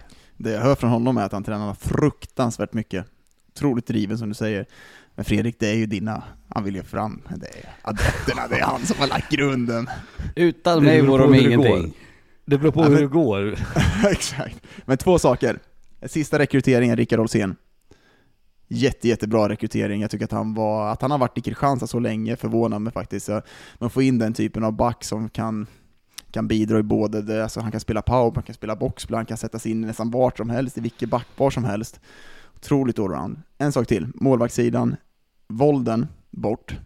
Stabilitet tillsammans med Hellgren. Jag tycker att de tävlar på ett jäkla härligt sätt förra året. Du har Hellgren som kom in, som kanske är lite mer eh, lite mer flängig i sin stil, men ju, är ju redo för att ta det här steget. Jag tycker han var en av seriens bästa målvakter förra året. Det var en fråga jag in som- hade. Är han redo att vara etta? Jag, jag tycker det, man måste ge han chansen till slut. Alltså, han- de kan inte dela, dels för ekonomiska skäl, att ha så, två så dyra målvakter funkar inte. Jag tycker man ser på många lag nu i Hockeyallsvenskan, att man går på en lite billigare andra målvakt och man har den här ettan som är utpräglad. Så för Helgens del, det kommer bli en annan sits bara. Han kommer stå 90% av matcherna. Samuel kommer komma in och stå sporadiskt, har sett inte kanske den nivån som vi trodde att han skulle komma in i, i ifrån Rögle där, men Helgen kommer stå 90% av de här matcherna och det kommer bli en annan vardag för honom, för nu kan han inte tävla med vollen på samma sätt, just att han kommer in och avlastar. Tar han det steget, jag tror att han är redo för det. Och då kommer min nästa fråga. Jag var inne, eh, jag är positiv kring backsidor idag, men jag är även positiv till den här backsammansättningen. Jag menar, kolla på eh, vad man kan orkestrera ihop här då. Du har med positiv bemärkelse att skickar du ut både Viktor Lang och eh, Stefan Milosevic så är det två riktiga dynghus nere i hörnerna. Jag menar Milosevic stor kropp, Lang vet ju hur han använder sin fysik och spelar tufft och hårt mot alla. Du har skicklighet i Lyckåsen, Westlund har ju visat han hade kanske en lite tuffare säsong i fjol. Du har eh, defensiv stabilitet i Leandersson, du har Henrik Larssons eh, passningsskicklighet och kreativitet. Du har Rickard Olséns mångfald. Ehm, ja, men han är mångfacetterad helt enkelt. Det tycker jag ser riktigt, riktigt spännande ut. Vad säger du Fredrik? Jag håller med. Jag tycker absolut att det finns en, en eh, hög klass på truppen och jag, jag, i förhållande till vad jag faktiskt har satt dem, vilket vi kommer till snart, så, så, så är jag ju inte riktigt hand i hand där. Men jag tänker att det här nybygget, att det kommer att ta lite tid för Karlskoga att landa i ett, i ett eventuellt nytt tänk. Jag har också förstått det som att Dennis och kompani gräver i en del förutsättningar som man vill justera, saker runt omkring, upplägg med fysträning och, och, och sådana saker. Och det, det, det brukar ofta kunna bli en reaktion på det. Så att jag, jag, jag har en avsikt i, i mitt huvud att det här inte är ett hastverk och någonting som ska ge omedelbar effekt, utan det är, det är ett omtag som Karlskoga kommer att kunna gynnas av över tid. Sen en, en sak till, lite tunna på forwardsidan just nu. De är 12 forwards som har lite juniorer underifrån, som inte spelar J7, J20 Superelit, för det heter det Fredrik. J20 Superelit heter det. Eller hur? Du, du, får, du kan inte skoja i podden, det lärde du väl förra veckan? Just det. Nej, det går inte. Ja, De har inte kanske ett, ett J20-lag som är tillräckligt bra för att gå in. Eh, det finns intressanta spelare, men lite tunn forwardsuppsättning eh, om man får skador, och det vet vi att det, det får man alltid. Det har vi sett under försäsongen och nu också, att de har mycket skador på den. Eh, jag glömde bara flika in en grej om Västerås, jag måste bara säga innan jag glömmer bort det. Eh, att de har ju också satsat ganska ordentligt på fysbiten just med det här vara-jobbet. De har anställt en ny eh, heltidsanställd fystränare som ska driva det. Och det tror jag också kan vara någonting för Västerås, att man kommer att sätta en större prägel på, på fysbiten i Västerås. Här kommer min problematik med Karlskoga. Jag läste nu att eh, de redovisade 900 000 kronor i förlust förra säsongen. Eh, arenabygget som skulle ha börjat för, var det tre eller två eller tre år sedan när de skulle börja med åtta, hem, åtta bortamatcher för att de ska bygga om arenan. De har ju ännu inte tagit ett spadtag för det här. För den nya arenan och det här har de. badhuset. Ja, men det har ju inte skett så mycket. Det är ju inte så att det står en ny arena där direkt. Och de ska börja bygga på arenan i maj, läste jag nu. Dessutom så har de en miljon kronor som ska tillkomma i eget kapital för att klara elitlicensen nästa år. Och då är frågan, med lågkonjunktur i världen, eh, framförallt i Sverige, så är det frågan, kommer det här att bli ett bromskloss under säsongen? Att man har redan e-, e-, ekonomiska bekymmer, även om de inte är superstora. En arenafråga som ligger lite eh, som ett blött täcke över klubben. Och dessutom att man ska krävas att få mer pengar in till nästa säsong. Det känns ju lite orovarslande att det är så mycket grejer som är frågetecken runt klubben. Nej, nej det, det tycker inte jag. Jag tycker att eh, arenabygget vet man vart det ligger till. Det har varit ett frågetecken såklart. Eh, vi börjar med åtta, åtta matcher borta för några säsonger sedan, men nu är det på gång. Eh, det är kommun som bygger det, det är inte Kaskogas i sig som klubb som har den frågan. Så man kan inte riktigt ta i den, men ekonomiskt sett så är, jag vet ju, jag har jobbat på marknadssidan under många år i Karlskoga, så det finns ett näringsliv som är starkt i Karlskoga. Vi ser en vapenindustri som går bra, eh, så jag tror ekonomiskt sett så kommer det vara tufft för alla lag, för att vi ser att kostnaden höjs, vi ser att eh, folk har problem att betala sina räkningar. Det kommer bli större problem att dra in folk in i hallen. Det tror jag kommer bli största problemet för alla lag med Karlskogas ekonomiska. Jag tycker att man har, man, Torsten har bra koll på grejerna och man har en bra organisation runt sig som gör ett jäkla bra jobb. Med det sagt, vart placerar ni Karlskoga? Jag har Karlskoga som sjua och då ska jag bara säga, för att följa upp vad vi pratade om förra veckan, att um, för mig har topp 8 varit relativt eh, enkel att plocka ut, men att det är desto svårare att, att fördela in dem där. Så att eh, med risk för att jag undervärderar eh, Karlskoga lite grann så har jag dem på plats 7. Ett hack upp, jag har dem topp 6. Sexa. Sexa på dagen, sjua på Fredrik. Och med yes. det sätter vi punkt på BIK Karlskoga. Och eh, Fredrik får gå vidare med eh, nästa namn och då eh, flyttar vi oss ner till Småland. Ja, men vi besöker detta eh, Tingsryd, hästriket. Jag trodde vi skulle vara på spåret där, att vi fick gissa mm. vart vi var på väg. är vi, på väg? Vi fick häst, häst, eh. häststaden, eller vad du sa. vad skulle du ta på Tingsryd då? Ja, det, blir, det blir något på Börje. Börjes kommer ner på tvåan då i och för sig. Ja, hästriket tror jag, jag vet att det står det på skyltar, det är inte lika vedertaget över hela landet. De säger att det finns fler hästar än människor i Tingsryd, eller Sen har de ju, på det? De har ju mer bilar än människor också, för det är bilfirman har ju alltid... Karlqvists bil, heter det inte så? Över tusen bilar i lagret, eller vad står det? Ja. Eh, nej men Tingsryd, eh, ständigt detta Tingsryd som någonstans trotsar eh, tyngdlagen med att faktiskt finnas med i eh, elithockeyn i Sverige trots sin litenhet som ort och att förutsättningarna är begränsade. Först och främst ska jag säga att jag har alltid och har fortsatt stor respekt för Tingsryd. Jag tycker att man har en förmåga att koka soppa på spik. Man klarar av att faktiskt vara med och utmana och vi behöver inte gå tillbaks allt för många år för att hitta framgångsrika säsonger. Magnus Sundqvists tid där i Tingsryd bland annat, man spelade med ett annat upplägg, finalmatcher där mot AIK var det va, om jag minns rätt.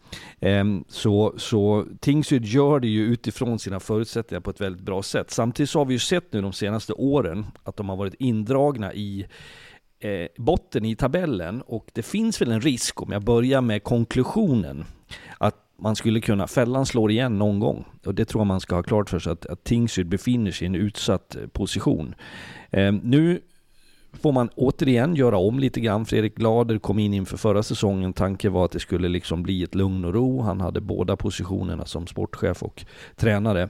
Sen valde han av personliga skäl delvis, men kanske också med klubbens resonemang att inte vara kvar utan flyttade tillbaka norrut. Arto Mietinen kliver in och jag säger det direkt så att inte jag har någon intressekonflikt. Jag har jobbat tillsammans med Arto under en säsong.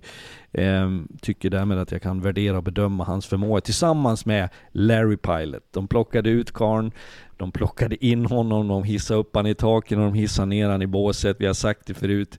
Larry Pilot ska stå där. Ja. Eh, och det gör han nu. Eh, det är ju så att Tingsryd tvingas ju år efter år att, att plocka på sig spelare med röd lapp. rent ekonomiskt så sitter man med, med bakbundna händer. Man kan inte slåss med, med de större trupperna och klubbarna om att faktiskt eh, plocka åt sig de bästa spelarna. Därför får man ta lite grann de här som är skadeskjutna. Jag skulle säga att det man gjorde förra året med Felix Olsson och Harju tillbaka till exempel. Det är ju spelare som tidigare har levererat i Tingsryd och borde rimligtvis ha ett antal poäng i sig för att kunna bära upp en viss nivå.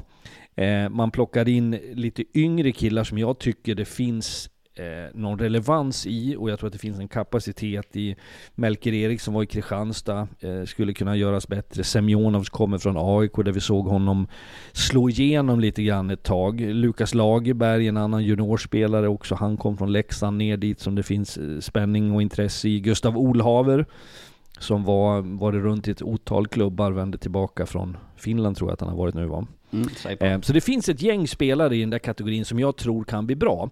Det Tingsryd behöver ha för att man ska få eh, resultaten att vara tillräckligt bra är ju dels en spelidé som är väldigt konsekvent och kopplad till kapaciteten i truppen. För här tycker jag rent generellt att man ibland har haft de senare åren lite för ofta så kolliderar en tränares vision med den faktiska kapaciteten. Man måste kunna värdera, vad har, vi, vad har vi för trupp? Vad kan vi spela för hockey för att få bästa möjliga resultat? Det är viktigt att Tingsryd lyckas med det. Men också att de får sina, de här uh, spelarna som vi kanske inte riktigt känner till idag, att ta ett eller två steg till. För det finns inga riktiga stjärnor.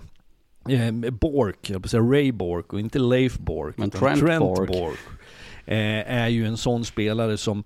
Alltså det finns en handfull spelare som vi idag inte bedömer som stjärnor. Och förstå mig, jag säger stjärnor inom citationstecken. Men som måste vara Tingsryds egna stjärnor, som kan svälja mycket istid.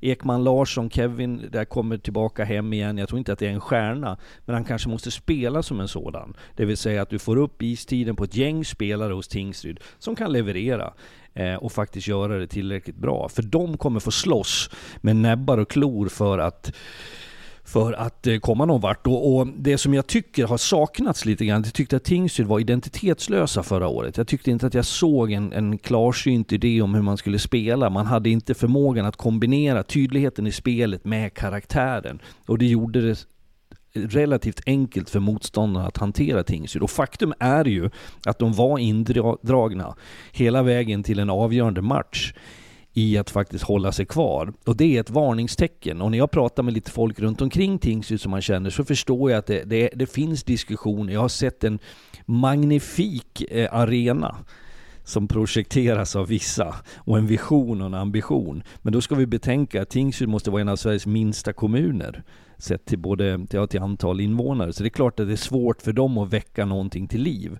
Men jag tror heller inte att man får falla tillbaks på kärleken av att vi har haft en tradition, för det har Tingsryd haft. Det har ju varit ett lag i högsta serien en gång i tiden. Utan de måste stå på egna ben nu, de måste få till det här rent spelmässigt, annars kan det bli en tuff säsong. Men jag tror det du är inne på Fredrik, de måste träffa rätt på de här nyförvärven, division 1-spelarna. Det är det de lever på, men jag har svårt att se här Tingsryd. Alltså förra året hade jätteproblem offensivt. Vilka ska göra mål? Vilka ska driva det här? Alltså Felix Olsson, Jonathan Harjo, det är bra allsvenska spelare, men det är inte tillräckligt bra för att driva det här liksom Tingsryd upp på kanske en överkvalplats. De hade stora problem. Målvaktssidan, de har kvar Thomas Rydén, de har kvar Daniel Rosengren. Rydén var jättebra under kvalet, men båda två var för tunna under grundserien. Så Tingsryd... Ja, jag, de är lite för tunna just nu. Och de, de, jag tror inte de har kapacitet att kunna ta in spelare. Vi pratar om eh, ekonomiska delen.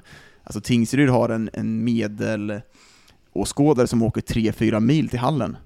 Alltså det kostar pengar att åka till Tingsryd för att kolla hockey. De måste ha publik för att komma in för att kunna bygga en ekonomisk sits. Det har de inte just nu. Så jag, men framförallt tror jag att det är just det här, vem ska göra målen? Vem ska driva den här offensiven framåt? Helt okej okay, backsida, men offensiven är just nu för mig för tunn. Vi ska tillägga också kanske det största nyförvärvet är ju Emil Forslund som vänder tillbaka till Småland efter att ha varit i Östersund där, där det kanske inte riktigt lyfte som eh, Östersund hade hoppats för att få in eh, Emil Forslund. Men jag läser ut av det ni säger att eh, ni kommer att tippa dem relativt lågt. Är det till och med så att det är eh, höga varningstoner om att de kommer få kvala även i år? Jag säger så här, de, de sex lagen då utanför topp åtta, där eh, det är egentligen fem lag för att Almtuna för mig, eh, som jag hade satt som nia, tycker jag kan knacka på en topp åtta dörr förvisso. Men bland de andra så handlar det lite grann om vad du får för start, vad du får för uthållighet, hur du hanterar skador, det här med truppen, att du liksom klarar av att tuffa på i mörka november och december. Men jag har, eh, jag har satt Tingsryd som lag nummer 12. Eh, det jag tröstar mig med ursäkta, morgonhostan slår till här, eh, är lite grann att jag, jag upplever när jag har haft samtal med eh, Altometinen eh, för en tid sedan förvisso, men det känns som att det finns en ödmjukhet i Tingsryd. De förstår sin situation. Det är inte så att man pratar om att vara ett topplag, man pratar inte om slutspel, utan man förstår att omständigheterna är, är rätt besvärande. Det tycker jag är ett bra utgångsläge och det handlar inte om feghet, utan då har man förstått sin situation. Och att utifrån det föda då den här identiteten, att jobba fram en kravbild som vi, du pratade om det på Västerås till exempel, eh, Dagen. För mig blir det ännu viktigare att lagen som kanske inte har förutsättningarna högre upp, att de kan enas i att det här är våran verklighet. Vi, vi måste kunna överleva fyra, kanske fem raka förluster. Vi ska ut på långa turnéer, bussåkande. Vi måste fortsätta tro på det men samtidigt ställa krav så att inte vi blir apatiska och uppgivna. För så kände jag lite grann med Tingsryd förra året, att de, de accepterade att vi är ett dåligt lag. Det är hårda ord, men alltså att man, man köpte det och det tror jag inte man får göra riktigt. Och det, det, där, där tror jag är ett problem för dem, just att de vet innan att, vi, du säger att det är positivt, ja, till viss del. Men just det de hade problem med förra året, de, det fanns inget driv i truppen. Vad var positivt sa jag menar? Nej, men att, de, att de är medvetna om att det kommer bli tufft. Jag tycker att liksom man hade en... Man, man torskar, man förlorar matcher, men man bara liksom... Ah, alltså vi vet att vi kommer vara här, det kommer bli tufft, men varför drivet liksom tar det framåt. Det såg jag inte riktigt Tingsryd och liksom de typen av spelare som fanns där. Det måste också upp. Jag tycker Harry måste ta större ansvar. Felix Olsson, Nermark, de måste bli drivande. Utanför och på isen. Och där, alltså jag vet, det är jättebra att man har en bild att det kommer bli tufft. Men jag tycker att det bet dem lite förra säsongen att man liksom, ja, ah, fan, åka till Västerås, tufft, men vi kan också torska här. Mm, men jag, tycker, du, du, jag förstår vad du menar, men jag tycker du, du blandar ihop, eller du, du läser mig fel där. För det jag menar är att ett, insikten om var vi hör hemma, den måste man ha. Annars, eh, annars tror jag att livet blir jäkligt jobbigt om man tänker sig lite för högt upp. Men steg två på det är att inte acceptera att vi ska förlora matcher, men att man kan förstå vad vi utifrån den situationen måste göra. Jag har länge drömt om att få använda ordet USP bokstäverna. Jag vet vad det betyder då. selling point, är det ja, det? Kolla.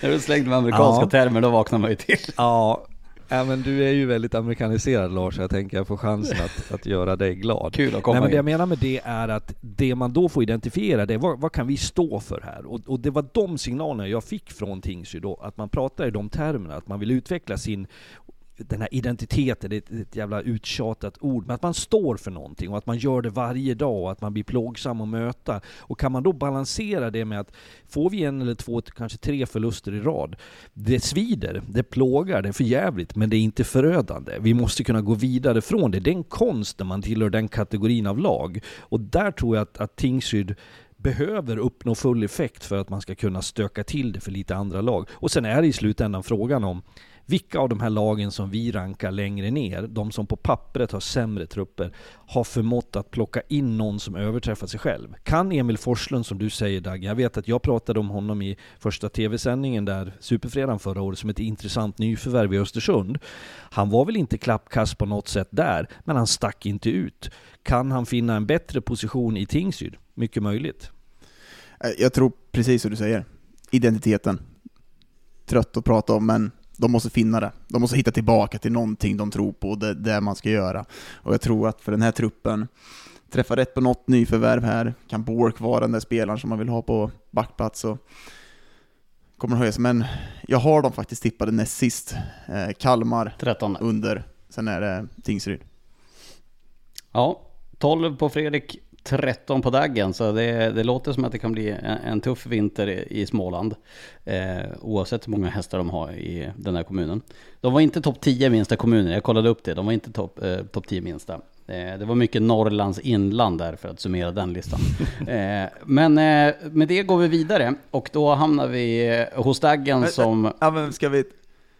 Vad säger du? Jag vill inte, jag vill inte svära men vart är vi på väg? Vart är vi på väg? Ja, vi är på väg till eh, norr om Stockholm, till eh, det näst mest framgångsrika hockeyföreningen på svensk mark. Och vi har hamnat i Gävle, Sätraåsen och Brynäs IF, Dagen. Vad tror vi om Brynäs som spelar sin första hockeyallsvenska säsong och nere för första gången på 60 år och första gången man har, eh, spelar utanför elitserien SHL? Vi börjar bli lite långa så vi ska väl hålla så jäkligt korta här nu eller? det, tror jag, Brynäs var ju eld och lågor att de inte var med i förra avsnittet, så vi får höra vad vi tror om Brynäs på ordentligt där.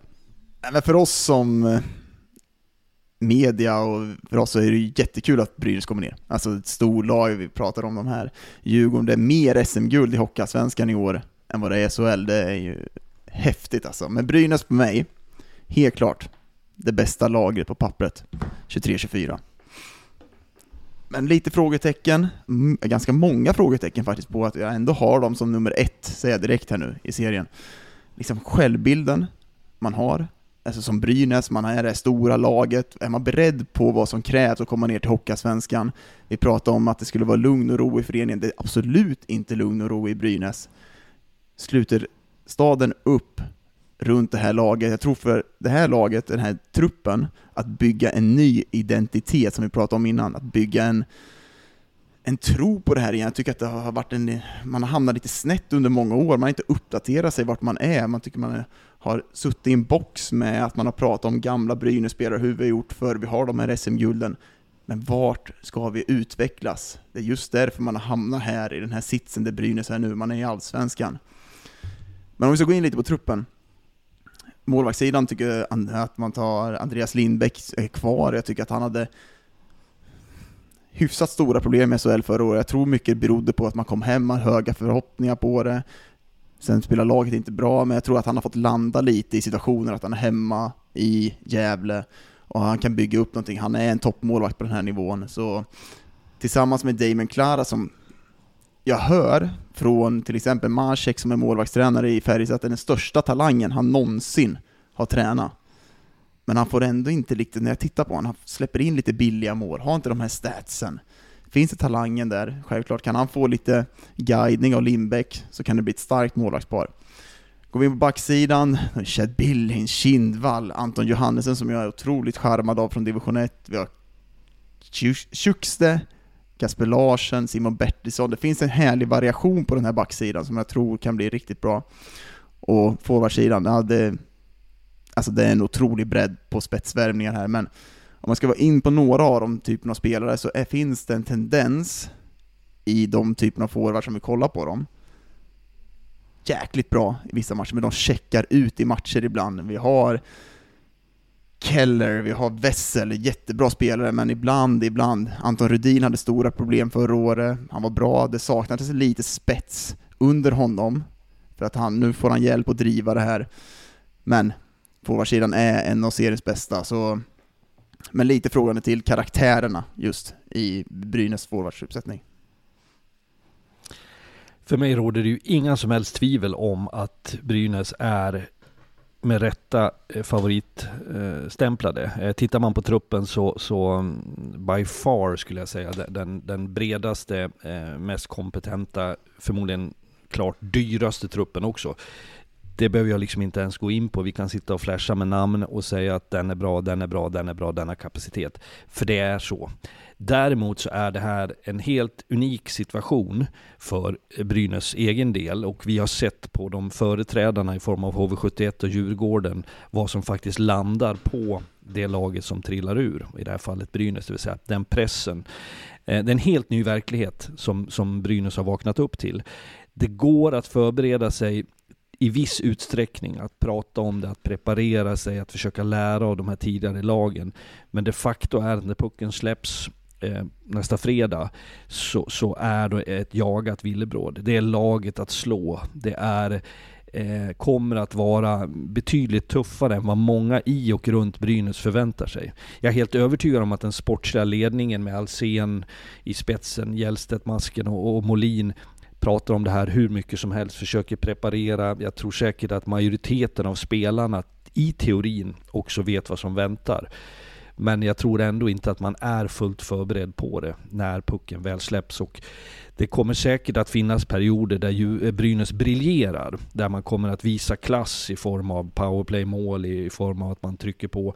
Så kommer det också lika ofta nästintill att besväras av motgångar. Och det här är för mig, det som är helt avgörande för Brynäs del, det är ledarskapet. Och då menar jag inte bara tränarnas roll, utan också ledarskapet i gruppen. Vad man förmår att ha för kravbild på varandra. Och det var ju en artikel som, och nu ska jag vara oerhört noga med att säga att man ska inte fulcitera eller läsa någon fel. Men eh, Rödin gjorde en intervju där rubriken var något i stil med, eller ingressen, att det ska bli skönt att få vinna lite matcher och att inte känna samma press. Jag menar nu inte att han syftade på att det skulle vara en enkel resa, för det förstod man när man läste artikeln. Men det där tror jag är ett tankesätt som en del har drabbats av. Att det finns ett hopp om en ljusare tid i Brynäs som publik att gå på matcher och se dem vinna lite mer, för det kommer de garanterat att göra. Men det det i slutändan kommer handla om för Brynäs, det är att man måste bli etta. Man måste vinna grundserien för att skaffa sig de fördelarna som HV71 och som Modo hade. Och jag tror att resan dit kommer att vara betydligt mer turbulent och stökig än vad folk förstår idag. Jag, jag håller verkligen med Fredrik, att man tar det ur ett perspektiv, eller man tar det ur ett sammanhang, man ser den här bara rubriken, men jag ser, som vi var inne på, självbilden. Alltså är man redo för att tävla varje, jag tror man, är, man pratar i gruppen att vi ska gå upp i SHL, jag tror att man, man vet vad det innebär på ett visst sätt. Men när man gör det varje kväll, Tingsryd borta, Karlskoga borta, man möter Almtuna hemma. Det kanske inte är jättemycket folk som kommer på matcherna, är man beredd på att ta den kampen? Tyckte inte man var det förra året. Tyckte inte man tävlar på det sättet. Man saknar någon typ av eh, offensiva kvaliteter bakom Rudin och de här. Det finns där nu. Det här laget, det är nummer ett.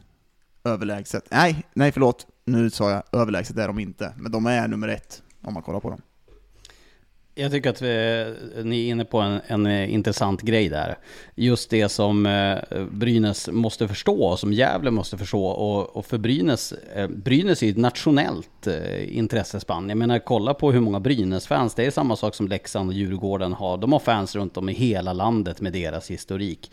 Brynäs-fans finns från Kiruna i norr till Malmö i söder, är jag helt övertygad om.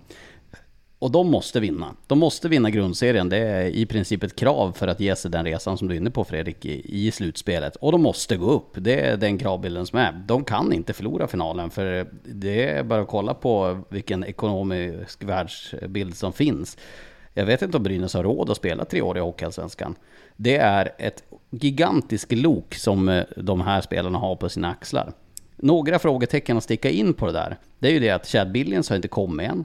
Greg Scott har inte kommit än. De har inte ens varit med och, och format i den nya spelbilden, i den offensiva fullplanspressen, till skillnad från Mikko Manners spelbok som var den defensiva styrhockeyn.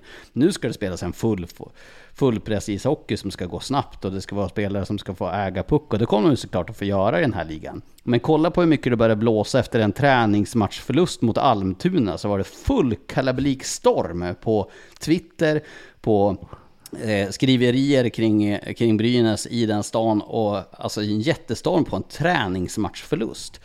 Och nu kommer den här verkligheten in. Jag menar, det är bara att läsa in truppen. En första kedja med Tyler Kelleher, eh, eh med eh, Kelleher, Tyler Wessel och Anton Rudin. Det är femstjärnigt eh, rakt av i den här ligan. En andra kedja med Jakob Packa, Johan Larsson och Mix Indrasis. Det kommer ju att vara absolut topp i den här ligan. Bakom så har du Linus Ölund som ett lok som var landslagsspelare i fjol. Kvaliteten finns där. Men frågetecknet finns ju. Backsidan. Vad händer om Bertilsson går sönder igen? Som ska vara den första defensiva backen som är ju en av SHLs bästa backar i sina bästa slag. Men han har ju senaste åren missat en hel del matcher på grund av skada. Det är en kropp som inte blir yngre. Du har Kinnvall som ska vara drivande igen, som hade en svagare säsong i fjol. Det finns en offensiv kapacitet. Så min fråga till er är egentligen, den här backsidan, de är ute och jagar ytterligare backar. Men är den tillräckligt bra? För man kan inte förvänta sig att Theo Lindstein som 05 ska driva det här. Att Anton Johannesson ska vara bra i varje match som kommer från ettan. Backsidan är mitt frågetecken till er först. Daggen, du får börja som har dem. Ja, men jag, jag, jag, jag tycker att den är det.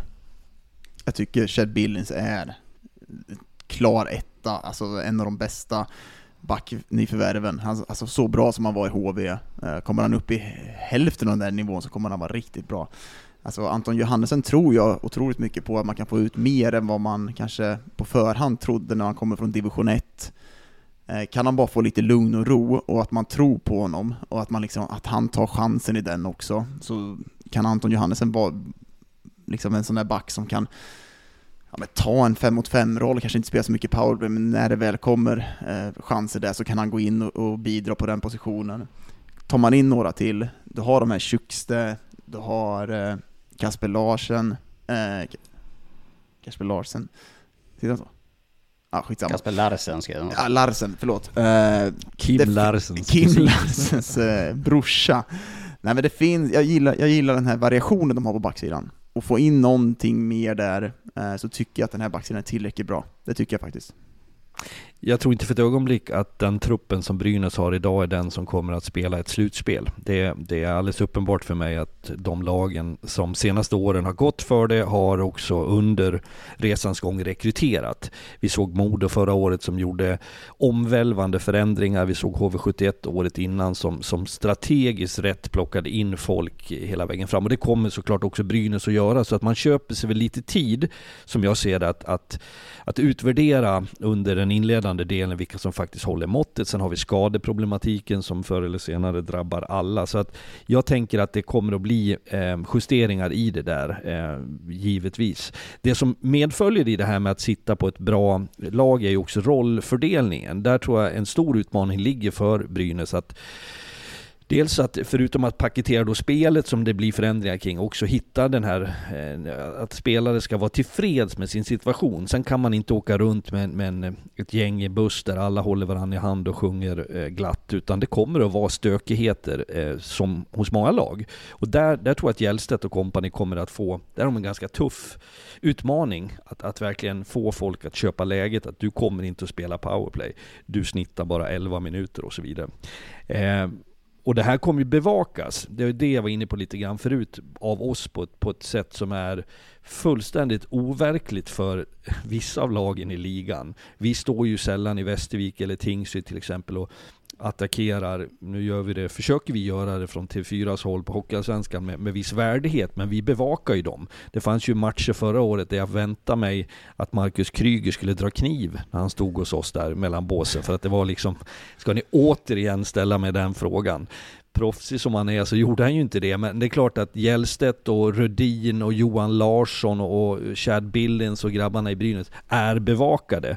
Eh, och det medför ju också viss ökad, ett ökat tryck på den här gruppen. Så att jag tycker att det är komplext att, att eh, resonera kring Brynäs, men jag tror det råder ju inga tvivel om att alla förväntar sig att Brynäs ska eh, ska ta steget upp. Sen finns det ju andra lag som jag pratat om. Det är Björklöven och det är Södertälje och det är Djurgården och så vidare som, som kommer vilja jävlas med de här. De sitter ju i en lite tacksammare situation.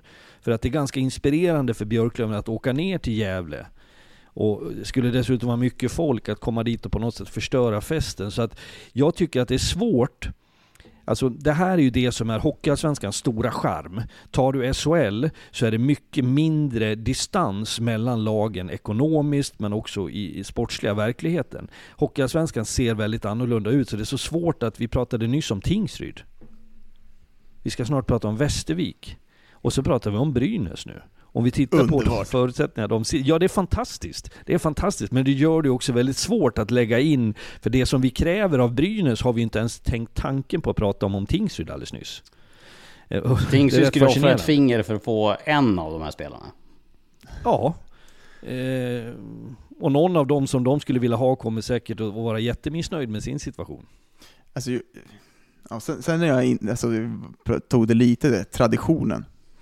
Alltså, man har byggt upp och jag, alltså jag är en sån som, jag älskar liksom bevara tradition, vart man har varit.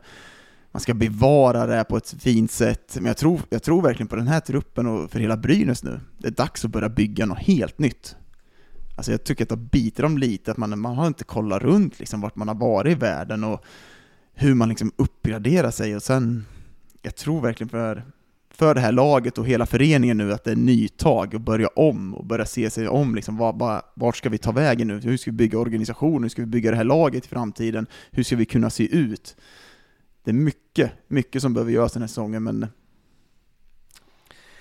för jag, jag, tror också man, i, i det här, jag vet att historien inte har någon betydelse i sig i det vi sitter och pratar om nu. Men det är ju bara att konstatera, om det var du Lars som sa det, eh, alltså historiken, traditionen, kulturen i Gävle kring hockeyn. Vi är för unga för det. Eh, jag har ändå upplevt lite och jag har vuxit upp med vetskapen om om Brynäs storhet. Jag gjorde en match i Gävle, jag tror att det var december förra året med eh, då var det Björn Oldén och Peter Rönnqvist och jag. Och där hade det ju börjat knakat lite grann i, i Gävle och jag har aldrig någonsin i en arena stött på så många negativa människor som det faktiskt var då. Från pressrummet till korridorerna tills jag skulle ut till, till bilen efter så var folk väldigt kritiska mot Brynäs för det finns en förväntan om guld. Man har ju skämt bort den föreningen, nu pratar vi way back, vi pratar 60-tal och 70-tal. Sen har ju Brynäs till skillnad från en del av de här andra storklubbarna om man pratar om förr, har ju de poppat upp och levererat även i modern tid. Jag menar HV, Brynäs, den finalserien, vilket år var det? 2017. Ja, driver det till en sjunde avgörande. De har ju varit med i racet. Nu befinner man sig i Hockeyallsvenskan. Så att jag tror att man har än inte helt återhämtat sig. Och det är det som gör den här eh, bevakningen och eh, deltagandet av Brynäs i Hockeyallsvenskan så speciellt och så intressant. Men det kan ju inte vara gnällare än Örebro, Fredrik. Går det, så går det åt helvete det, i alla det, fall. Det, det, är dialekten det. Men om du tänker i trycket, och det, för det är ju, vi ska inte fastna i det där, men, men en förklaring till Växjös framgångar, där du bor, är ju att det finns ingen historia. Sant. Om jag är elak. Ja, och att Evertsson har ju skitit i vad alla tycker. Han kör sitt race. Ja, han är fått... briljant på sitt sätt, absolut. Men jag menar att du, du har inte... Jag ska på match i Leksand imorgon. Leksand-Örebro-premiären här nu torsdag kväll. Jag vet inte när det här kommer ut. Eh, och det är ju, det, det är liksom 3000 av de som är i arenan som på allvar är helt övertygade om att de ska göra ett bättre jobb än Sam Hallam. Då tror jag att jag tar i underkant. Så den, den liksom eh, traditionen och kulturen är ju också ett ok på många ställen och det, det är något som Brynäs kommer få jobba med. Eh, jag måste bara flika in, eh, Dagen var inne på målvaktssidan att Damin Klara har ju, eh, det är jättemålvaktslöfte, men han har ju, som du var inne på, har han ju sett riktigt flängig ut på försäsongen. Och där har ju Lindbäck en väldigt, väldigt tung roll. Som du säger, han kanske kommer stå 90% av matcherna, men då gäller det att vara bra i de 90% av matcherna också. Ja, men det, det, tror jag han kommer vara. Jag tror mycket på att han har landat i Gävle och fått en lite mer trygghet runt sig, men som jag pratade med, jag pratade med Masek som är målvaktstränare i Färjestad, han, han, säger att det, det, här är den största talangen jag någonsin har tränat. Men när jag tittar på honom, jag tycker han släpper lite billiga puckar och liksom, och det han säger är att han är perfektionist.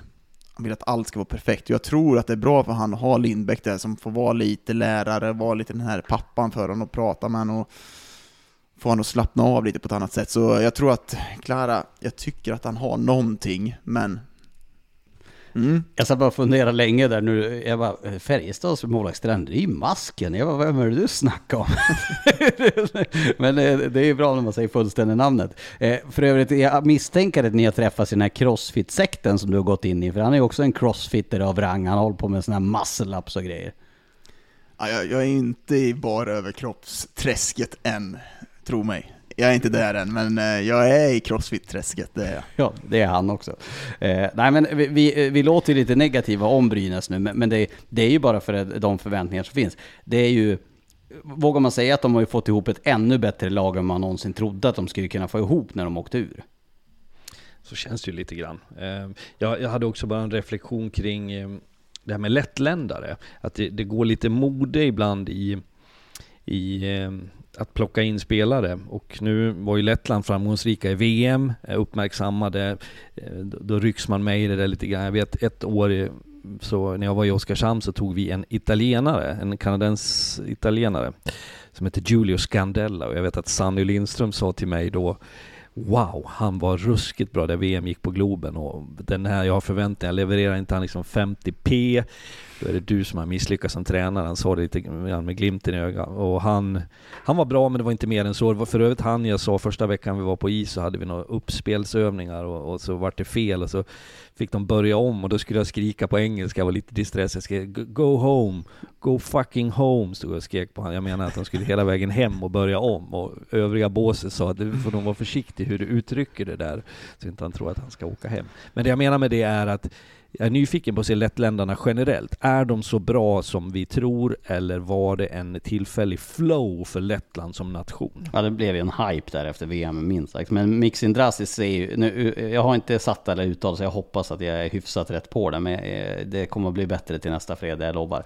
Men eh, han ser ju ut eh, som eh, guld i princip. Nej, han ser ju otroligt bra ut. Alltså, det, det, det rund miljon. Ja, men han Rund kommer att bli bra. Han kommer Fredrik har ju faktiskt värvat otroliga namn under sina år i Oskarshamn. Alltså det är ju... gillar du? Ja men det finns ju massor. Vi gick igenom, du och jag satt ju gick igenom trupperna Ja, du hade haft. Och jag bara så här, alltså hela tiden dök det upp nya och nya hela tiden. Och Vi gick ju på det, det skulle vara liksom härligt och så det skulle ligga bra i munnen. Så det ska ligga bara i Oskarshamn-munnen. Ja, viktigt, Precis. viktigast när man värvar. Men det kan vi ju, om vi ska gå till nästa lag. Nej, vi, jag vi ska, ni, ska för, ni ska först få, få tippa. Du sa etta Daggen. Eh, och Fredrik, du säger? Jag har Brynäs som nia. Nej då, jag har Brynäs som etta. Där brann telefonsladden upp i Gävle. Du hade Etta. dem som etta. Ja. Men några som har värvat en lettländare, om vi ska gå till nästa, så är det faktiskt Västervik som värvar. Vi kommer dit. Yes. Mm. Till, eh, till eh, Eh, den rödrutiga regnrocken i Västervik. Eh, det är det enda dialektala jag kommer att försöka mig på i den här podden. Eh, men vi lämnar Brynäs där och hoppar till, eh, till Västervik eh, som eh, vi ju alla vet vad som skedde. Att den 4 april så fick ju de meddelandet att de får chansen att vara kvar i Hockeyallsvenskan i och med att Vita Hästen degraderades på grund av ekonomiska grunder. Och eh, Innan jag börjar mitt eh, framförande om vad Västervik har för prövningar och vad de har för säsong framför sig så tycker jag att Västervik som stad har ju fått en gigantisk räddningsplanka här till att göra något bra. De fick vara kvar i Hockeyallsvenskan istället för att ta det där lilla, lilla kryphålet från ettan till Hockeyallsvenskan igen. Så har man nu chansen att eh, att göra någonting bra och komma tillbaka till det här överraskande Västervik som har varit de senaste åren med bortsett i fjol, där det gick riktigt illa. Man har tappat Kruse, målvakten har åkt till Oskarshamn. Viktor Öhman har slutat, han blev sportchef. Joakim Hagelin har slutat, han blev assisterande tränare. Erik Gustafsson har lämnat cyklopet och blivit attackdykare. Nej, vi vet inte vad som blir med Erik Gustafsson, men man kommer sakna det där visiret och den där härliga uppsynen och kontinuiteten på backsidan. Och William Wiehe har dragit till Södertälje. Det är väl de stora tappen egentligen. I veckan så eh, kavlades det ut att eh, Quinton Howden, han får inte vara kvar. Han har lämnat redan. Man har tagit in Filip Buncis som eh, man hämtade in från den slovakiska ligan, en, en storväxtcenter som spelade i, i Slovakien tillsammans med McCoy Aircamps som kom in förra säsongen i Västervik för att ersätta Danny Brickley. Eh, där har man kvar honom, McCoy Aircams, den här säsongen också. Där har jag hört att det är andra hockeyallsvenska toppklubbar som var och kollade på honom. Kanske är det det eh, namnet som kommer att florera kring Miles Powell Award. Som jag döper färskt då, för det finns ju historik längre bak tillbaka i tiden om sälj- spelare som Västervik säljer. Men eh, kanske är det namnet som man kommer att kommer att sälja under säsongen. Vi får se. Eh, dessutom ligger en ganska stor eh, osäkerhet kring Phil Marinaccio som ju eh, i veckan får veta om han får spela hockey den här säsongen. Han blev ju dopingavstängd efter, eh, under den danska finalen. Eh, och vet ju ännu inte om han får spela hockey, så han är ju faktiskt inte på svensk mark, utan Västervik ska få ett besked nu i veckan om man eh, kommer att få nyttja honom. Han eh, tog astmamedicin i finalen i danska ligan och eh, blev därmed avstängd och kommer alltså då få veta besked om han blir avstängd eller får spela här under veckan.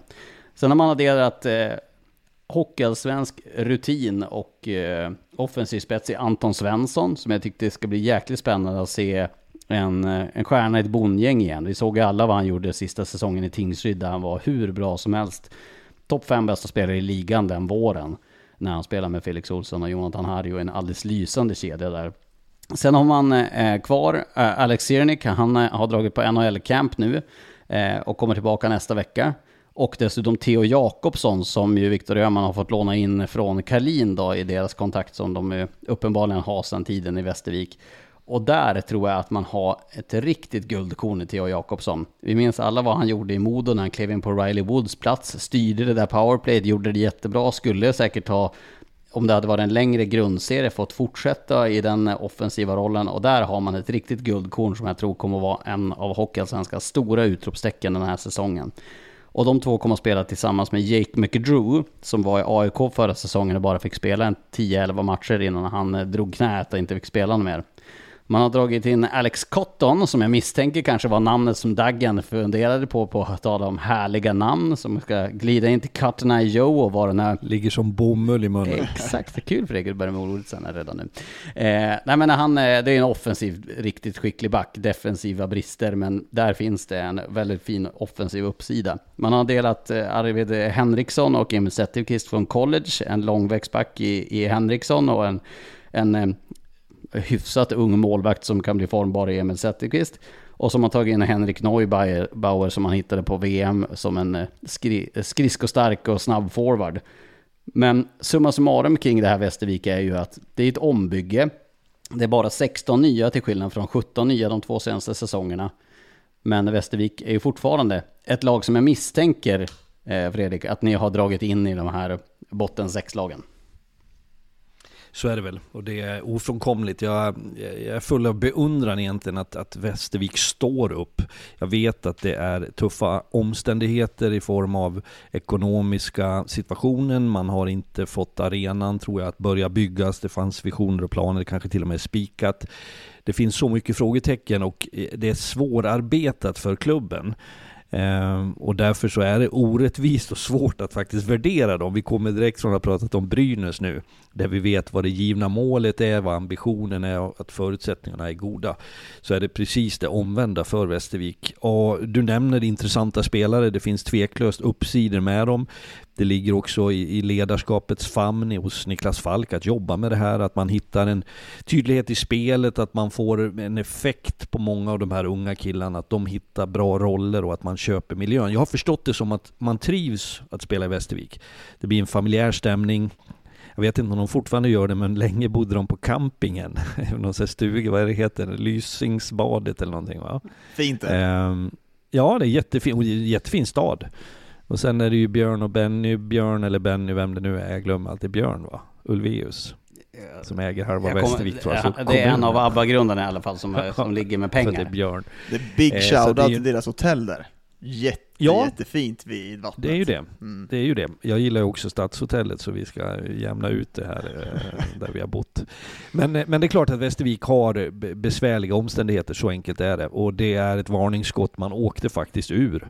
Ehm, och det, det, det, det, tar sig uttryck i form av, av såklart ytterligare besvärande omständigheter. Men nu är man där, man är med och tävlar på samma villkor. Det gör man när pucken släpps. Och där kommer man att tvingas hitta hitta fynd. Och det har de ju gjort. Historiskt har ju Västervik varit överjävligt skickliga på det, att faktiskt få effekt. Och en spelare som, jag bara nämna Phil Marinaccio som du pratar om, hade jag i Norge, i Storhamar. Och, och en exceptionellt eh, hög skicklighet individuellt sett i spelet som var väldigt roande och en spelare som jag, om det nu löser sig, ser fram emot att se.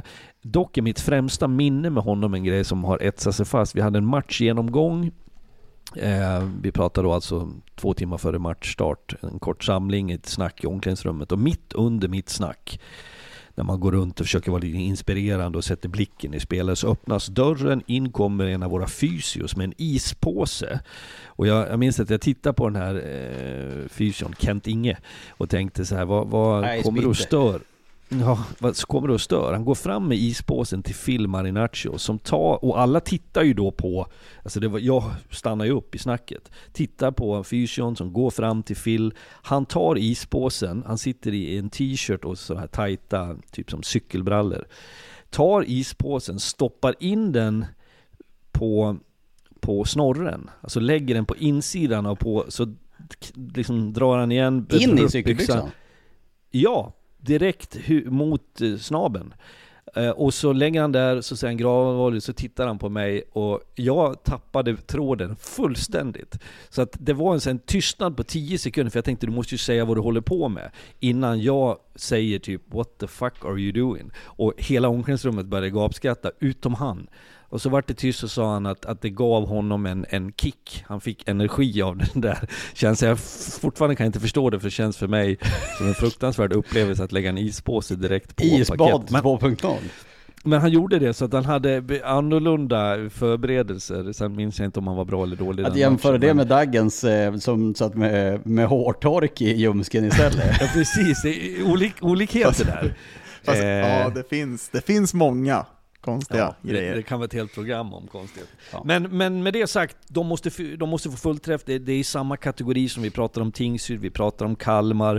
Eh, det, det, är ett, det är ett lag som måste förstå sin situation och de måste kräma ut precis allting ur det där. Kanske hitta ett powerplay som levererar eh, avsevärt bättre än vad truppen egentligen förmår. Hitta en tydlighet med en målvakt som står på huvudet. De här sakerna som du faktiskt vinner matcher som står och väger på. Jag vill bara kort innan jag glömmer. Jag spelar ju med eh, Peter Vampola, tjeckisk spelare. Han tog två Sliovica innan matchen. Så frågade jag, "Oj, vad- what are you doing? It makes my hand go loose, sa han bara. Och sen ut och körde liksom. Sliovica, jag tror inte att det är något vi ska Vad rekommendera är våra Sliovica för de som inte vet vad det är? Alltså det är väl 70-procentigt sprit. Ja. Så han skickade in två knappar. Makes Ja, my hand go loose. nere i Schweiz också och höll på med sådana där saker.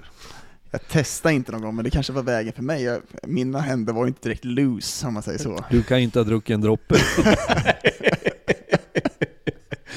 Jag var stelopererad Gina. Ja, Jag var stelopererad där istället. Nej, för fasen. Nej, men han var en skön figur såklart. Men Västervik, tillbaka till dem. Eh, Jag tycker att den här truppen ser jäkligt intressant ut. Jag tycker forwardsuppsättningen, som du var inne på Lars, många forwards som liksom kan få lyftet, men också många forwards som är garanti här också. Vi har Anton Svensson som har gjort mycket poäng. Jag tycker att Cernik, som har bara, jag drev ju på lite att han skulle tillbaka till Södertälje förra året, men kom inte upp i den nivån när han kom tillbaka dit. I Västervik så verkar han ha sin roll, ha sin tydlighet och den här tryggheten som finns där, så han kan vara, kommer vara bra. Vi är inne på Theo Jakobsson som jag sett under träningsmatcherna har varit grym. Grymt bra och kommer vara där. Och Alex Cotton, Urkamps, det finns verkligen positivt. Jag, jag, jag har inom länge sedan jag hade Västervik som att de har någonting riktigt på gång här nu och det finns potential i den här truppen. Sen har jag fortfarande frågetecken runt det liksom. Eh, jag tror för hela Västervik ska man börja sälja spelare igen. Man har tagit de typen av spelare som kan få det där lyftet, ska man börja trycka bort dem för att det är en ekonomisk sits man är i, det var tufft förra året. Jag tror för deras, vi har varit inne mycket på identitet liksom, ska man börja ta det steget igen, då tror jag man är illa ute, men det finns verkligen, verkligen bra spelare i den här truppen. Jag håller med. Alltså, vi nämnde ju inte ens eh, Vaclav eh, Karabasek som eh, dessutom har kommit in och, och som har spelat med Anton Svensson på försäsongen. De två har också sett intressanta ut, så de har ju två rätt intressanta kedjor där med Theo Jakobsson, Cernik och McCrew och så får man hitta en 3D-länk då till Anton Svensson och Karabasek. Jag vet inte om man har tänkt där att Viktor Öhman ska spela center, han blir väl uttryckt som vinge till slut. Men eh, Ja men jag stämmer nog in i det. Jag tycker att det känns ganska spännande med det här Västervik. Alltså med deras förutsättningar. Jag säger inte att de ska vara topp 6 för det, men, men de skulle, det skulle kunna vara ett lag som kan överraska den här säsongen. Ja, men jag, känslan är det. Jag har dem högre än vad jag brukar ha. Jag brukar ha dem botten, botten. Nu är de lite högre upp. Jag tycker man har också Wiggely som är stabil, liksom fjärde center, köper sin roll. Vi har Robin Karlsson, de tar in för Kristianstad. Ja, det finns mycket bra i den här truppen, och, men börjar man som sagt med ekonomiska problem, den här truppen kostar. Eh, kostar mer än vad jag tror att de kanske har budget för, men får man lite effekt på dem så jag tror för dem bara att behålla spelare istället för att man förlitar sig hela tiden på att man ska sälja av spelare. Jag tror att starten blir väldigt betydelsefull. Att man får lite arbetsro. Ehm, så att det, det faller på plats. Att publik kanske ansluter i tillräcklig utsträckning för att du ska få in pengarna och sälja korvarna och du ska kunna få det att gå runt. Det skulle kunna bli stökigt och rent generellt så tror jag att vi har en utmaning i det här och jag tror att utan att avslöja för mycket så kommer vi ju relativt tidigt i tv-sändningarna ha en diskussion med ligan lite grann om vad, vad, vad står Hockeyallsvenskan idag? Hur tufft är det för lagen att faktiskt få det att gå ihop? Och jag tror att Västervik är ett av de lagen som får kämpa med näbbar och klor för att få det att gå runt. Med det sagt, var, var tippar ni Västervik? Ja, din hyllning Dagge, nu är jag jättenyfiken att höra vad...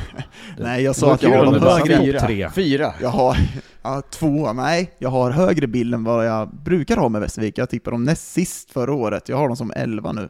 Och jag tror att det finns potential att kunna kliva upp några hack också. Jag har Västervik på plats 13. 13. Eh, jag måste bara få berätta en rolig historia om, om Västervik lite kort. Jag, jag ringde och pratade med Niklas Falk häromdagen och eh, det, då var han ute på en hundpromenad som ni vet att jag är ju fascinerad av att vara.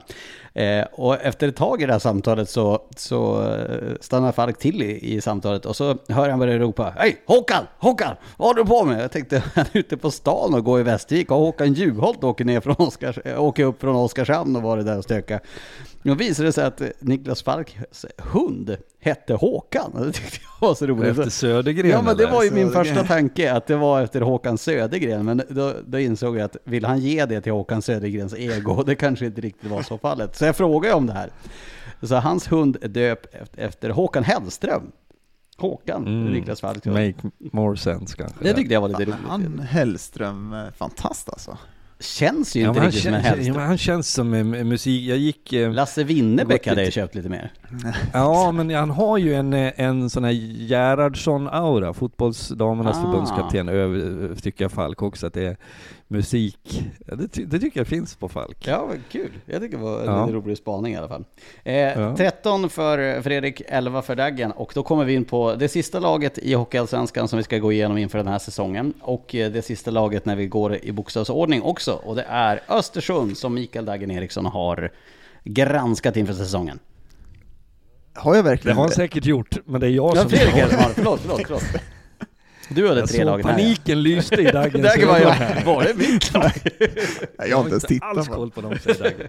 Nej då. Östersund, eh, jag säger direkt, andra året, kanske en tuffare utmaning än första året. Eh, klarar ju sig över förväntan förra året och skärmade oss på många sätt med en hel del bra insatser. Jag tyckte att man fick en uppslutning i och runt klubben på ett sätt som gjorde dem eh, eh, ja, men intressanta, relativa i, i förhållande till de storklubbarna så tyckte jag man stökade till det och man hade några matcher som man gjorde väldigt bra. Så att Östersund hade en, en, en fin entré i Hockeyallsvenskan och trots att man hamnade i, under en period i exceptionella förluster. Jag kommer ihåg att vi hade uppe den diskussionen, man förlorade med 5, 6, 7 mål ett antal matcher efter varann. Så lyckas man få stopp på något sätt på den blödningen, hittade en jämnare nivå och eh, det var ju inte med största möjliga marginal, men tillräckligt god för att faktiskt vara kvar, så, så tycker jag att man gjorde det bra. Nu tror jag att utmaningarna kan komma lite grann, lite mer. Eh, det som vi såg och som skulle behöva ske är ju att man får fullträff, som vi säger på de andra lagen, men naturligtvis på sina nyförvärv. Förra året så hade man ju en usel utdelning på sina importer. Det försvann ju några under säsongen och det försvann några efter säsongen. Det blev helt enkelt inte riktigt bra och det var väl förväntat att det skulle vara sådana spelare som faktiskt eh, var topp-topp, men det var det inte. Det man istället lyckades med tycker jag var att acklimatisera sig, Hockeyettan-spelare till det allsvenska. En sån som Marklund eh, tycker jag var överraskande bra. Eh, och det eh, är ju sannolikt så att de övriga som är kvar har också blivit mer rika på erfarenheter från den här första säsongen och, och faktiskt gjort det bra. Eh, man gör också en förändring genom att den legendariska Källa nu kliver ur båset. In klev Roger Forsberg redan i slutet av säsongen och är nu kvar. En erfaren herre, om än inte del av ska vi säga, framtidens utveckling och det säger jag med all respekt utan mer att han är av den gamla skolan. Jag tror att han har förmåga att skapa en bra stämning. Eh, han, han är passionerad och engagerad. De behåller Marcus Molin, är namnet va, så att jag inte slarvar där, som jag har uppfattat som en, en klok eh, tränare som knuffar in vad han kan. Eh, målvaktssidan där, Mantler hade storartade matcher och tuffare sådana om vartannat förra säsongen. Nu får man in kakmonstret från Umeå eh, en av mina bästa vänner grundat på att han har suttit en centimeter från där jag har stått i Umeå på den där stolen. Han har ju tillhör den kategorin målvakter idag som, för det här har vi pratat om förut, förr i tiden så var andre keepern var ute på isen med en handduk över axlarna, skrapade upp isen och var liksom servitörer, butlers till eh, målvakten. Nu sitter de på en stol, han har inte sett en minut live av matchen, han har suttit och tittat på, på min TV-skärm där nere eller på den stora mediakuben. Men nu ska han vara i Östersund och tillsammans med Mantler hålla upp en bra nivå, för det kommer att vara nödvändigt. Jag noterar den norska invasionen Eh, Viktor Granholm och Max Krogdal. Krogdal har varit i Västervik, eh, Granholm har varit utomlands. Känner jag till lite grann från min tid i Norge. Det är en ganska spännande spelare men behöver upp på nivå. Man tar in bänker eh, som vi vet kan leverera. Alexander Anderberg som var utomjordiskt bra i förhållande till vad vi förväntade oss eh, kommer eh, vara svår att ersätta. Så frågan är vem man ska lägga målen på. Är Benke god för 20 mål? Ja, men i sina bästa stunder. Här pratar vi en forward till skillnad från en back. Daniel Örn kommer från Tingsryd in. Jag upplever att Örn har en gedigen hockeynivå. Det är inte en spelare som frälser, men det är en spelare som jag har fått till mig och uppfattat som en solid lagspelare som är uppskattad för det. Golokovs Eh, som eh, vi har sett i sina bästa stunder är spetsig och faktiskt kan tillföra saker och ting. Eh, jag tänker också Josef Ingman. Det är ju en, en alltså sett till rubriker och hur mycket vi har pratat om honom går inte riktigt hand i hand med hans hockeyspelande. Förstå vad jag menar nu. Jag menar inget illa, jag, jag gillar Ingman, jag tycker han har en härlig uppsyn när vi har träffats och när vi jobbar med lagen, men eh, han är fick ju inte nu vara kvar i Modo. Men det finns någon aura kring honom av, av att jag vill vara med, jag vill bidra med någonting och göra det bra. Och kanske att han kan visa Modo att ja, men jag borde ha fått en chans genom att faktiskt leverera där. Söderberg kommer in, har sin, sin erfarenhet och rutin. Ehm, jag tycker ändå att de bygg, fortsätter bygga på ett ganska bra sätt Östersund, det är min känsla. Jag tror att man har Sen är han en missmash, missmash, heter han så? Ja. Missmatch. Det kommer ju, jag ser rubrikerna framför mig om det går åt helvete. Mm, om det går åt helvete, det blev en missmatch. Eh, intressant att se. Eh, vi har pratat länge, jag ska inte fastna i det. Jag tror att Östersund kommer att få eh, fortsatta utmaningar i att hålla en jämn nivå. Jag tror att man kommer kunna prestera och leverera på ett bra sätt, men det kommer krävas en kraftsamling och en enighet och en tydlighet i spelet. Och eh, där står Östersund för mig just nu. Jag tycker framförallt att eh, om man kollar målvaktssidan förra året, Mantle var väldigt själv, nu får man in Diorio. Kan han bli lite, lite bättre än det han visar i Björklöven så har man två stabila målvakter på den positionen. Sen tycker jag att truppen överlag, liksom, du pratar om Ingman, vi pratar om Krogdal, vi pratar om Benker, Bänker, du har Örn, alltså det stabila hockeyallsvenska spelare. Däremot, liksom, de behöver det här ångloket, Granholm, Golokovs mishmash, kan den bli den här kedjan som de kanske inte hade riktigt förra året, som var den här utpräglade offensiva kraften, att kunna dra det, då kan det bli bra i Östersund. Jag, jag har lite för frågetecken liksom om, de är, om det är lite för lite för jämnt lag liksom. Det finns liksom, alla har liksom den här två, det är lite tvåvägsspelare, forwardsuppsättningen, liksom, det sticker inte ut riktigt på det sättet, det är stabila spelare. Men jag tror för Mishmash, Granholm, Golokov, så jag tycker på försäsongen, Granholm ligger lite på utsidan, kommer inte riktigt in. Ehm, den här aktiviseringen vi pratar om från norska ligan, kan han liksom få, få till det? Det finns en uppsida offensivt, han har gjort öst in poäng i norska ligan, så det det finns det någonstans. Golokov har jag blivit skärmad av när han var i Almtuna. Kan han komma upp i den nivån så är han bra. Och sen tillsammans med Mishmash, de behöver det ångloket för att Östersund ska kunna bli ett steg till den här säsongen. Men känns det inte som att, ni är inne på det, att de kanske inte har samma spets här, men att det kanske är ett lite bredare lag, att de kan ha en andra kedja, men du har Örn där bakom, du har Henrik Marklund bakom den kedjan, du har Bänker och du har Fredrik Strömgren som har gjort det bra, du har Mörnsjö, det, det är ändå en lite bredare Östersund i deras andra säsong. Det håller jag med om. Men det som är nyckeln för att den här bredden också ska prestera är ofta att du har några som går först, några som går främst. Eh, man ska inte underskatta betydelsen av, som det blev med Anderberg till exempel, att han höll en konstant hög nivå, vräkte in mål. På något sätt så är det mycket lättare att ta rygg på när det finns några som levererar. Och där tror jag, där tror jag att Östersund, jag ser inte riktigt vilka det är som ska vara absolut främst. det, det var ju som vi pratade om Mora förra veckan. Ljunggren, Persson, Ilestedt, Karlsson. De driver det hela tiden. Offensivt, de är liksom... Det är Som Fredrik säger, vilka ska göra det? Ja, det är Golokovs, Mishmash, Granholm som måste vara bra för att Östersund ska ta det.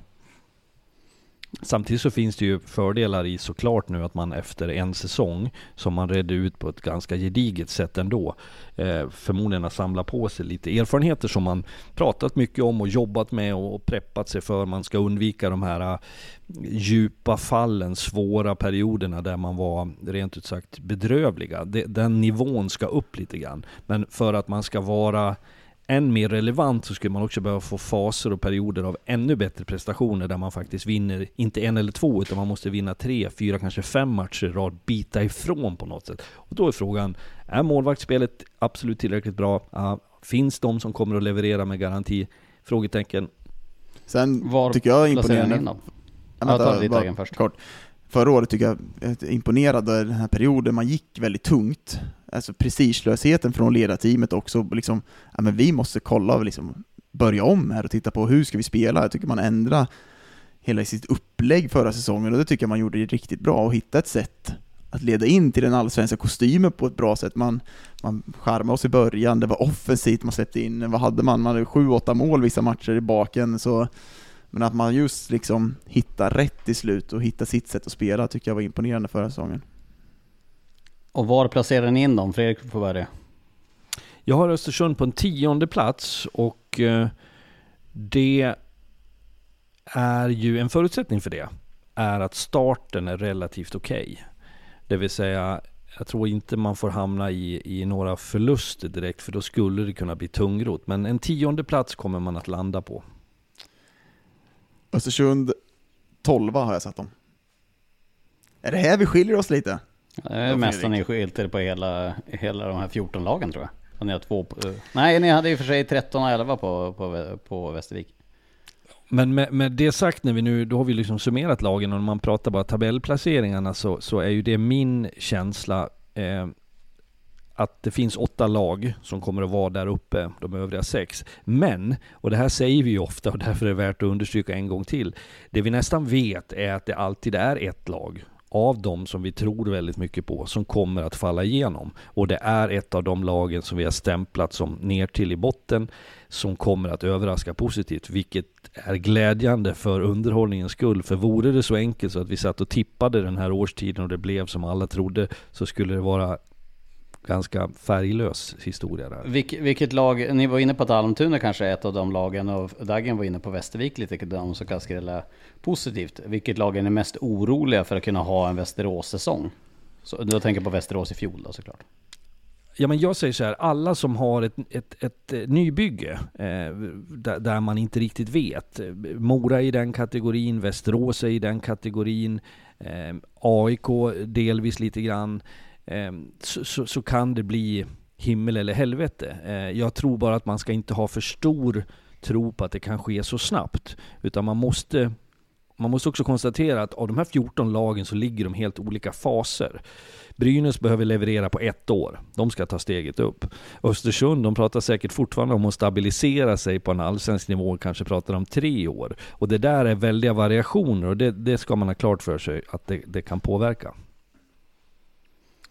Med det sagt så ska vi börja runda av där, för vi har blivit jättelånga. Men jag sa ju en sak förra veckan som jag kanske måste ta med i den här podden, för annars kommer jag bli utjagad ur stan här uppe i, i, bara, i Västerbotten.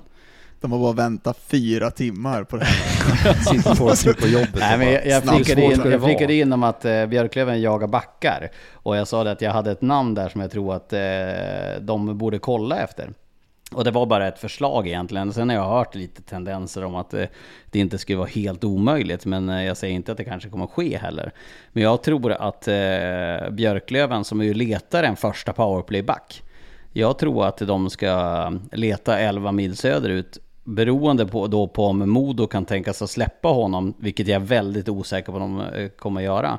Men Pontus Nässén vore ju exakt det namnet som eh, Björklöven skulle behöva för att ha den där första backen i powerplay. En, en framspelare till deras skyttar i Majer och Poli och, och Kilke för att göra målen i det där powerplayet så tror jag att Pontus Nässén skulle vara klippt och skuren för det där laget. Helvete Lars Lindberg, nu har jag legat sömnlös i en vecka och du kommer inte ens med en nyhet, du kommer med en spaning. Förbannat. Ja, men jag, jag, jag är så grå. Jag är så grå. Ja, det Nej, men jag, jag kommer tror att, bli skrik när du går på stan i Umeå nu kan jag säga. ja, jag går ut ur stan.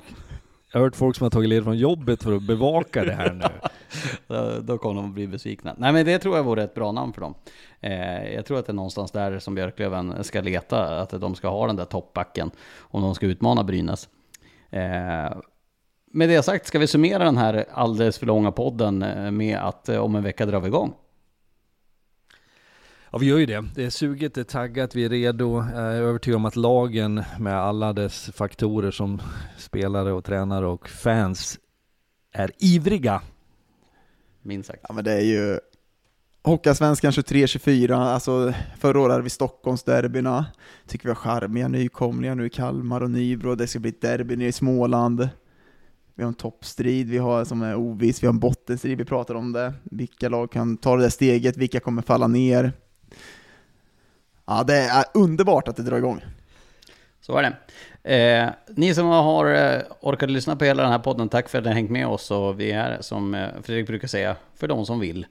Så ses vi nästa fredag och så njuter vi av att SHL-säsongen drar igång på torsdag. Ta hand om er, ha det gott, hej hej!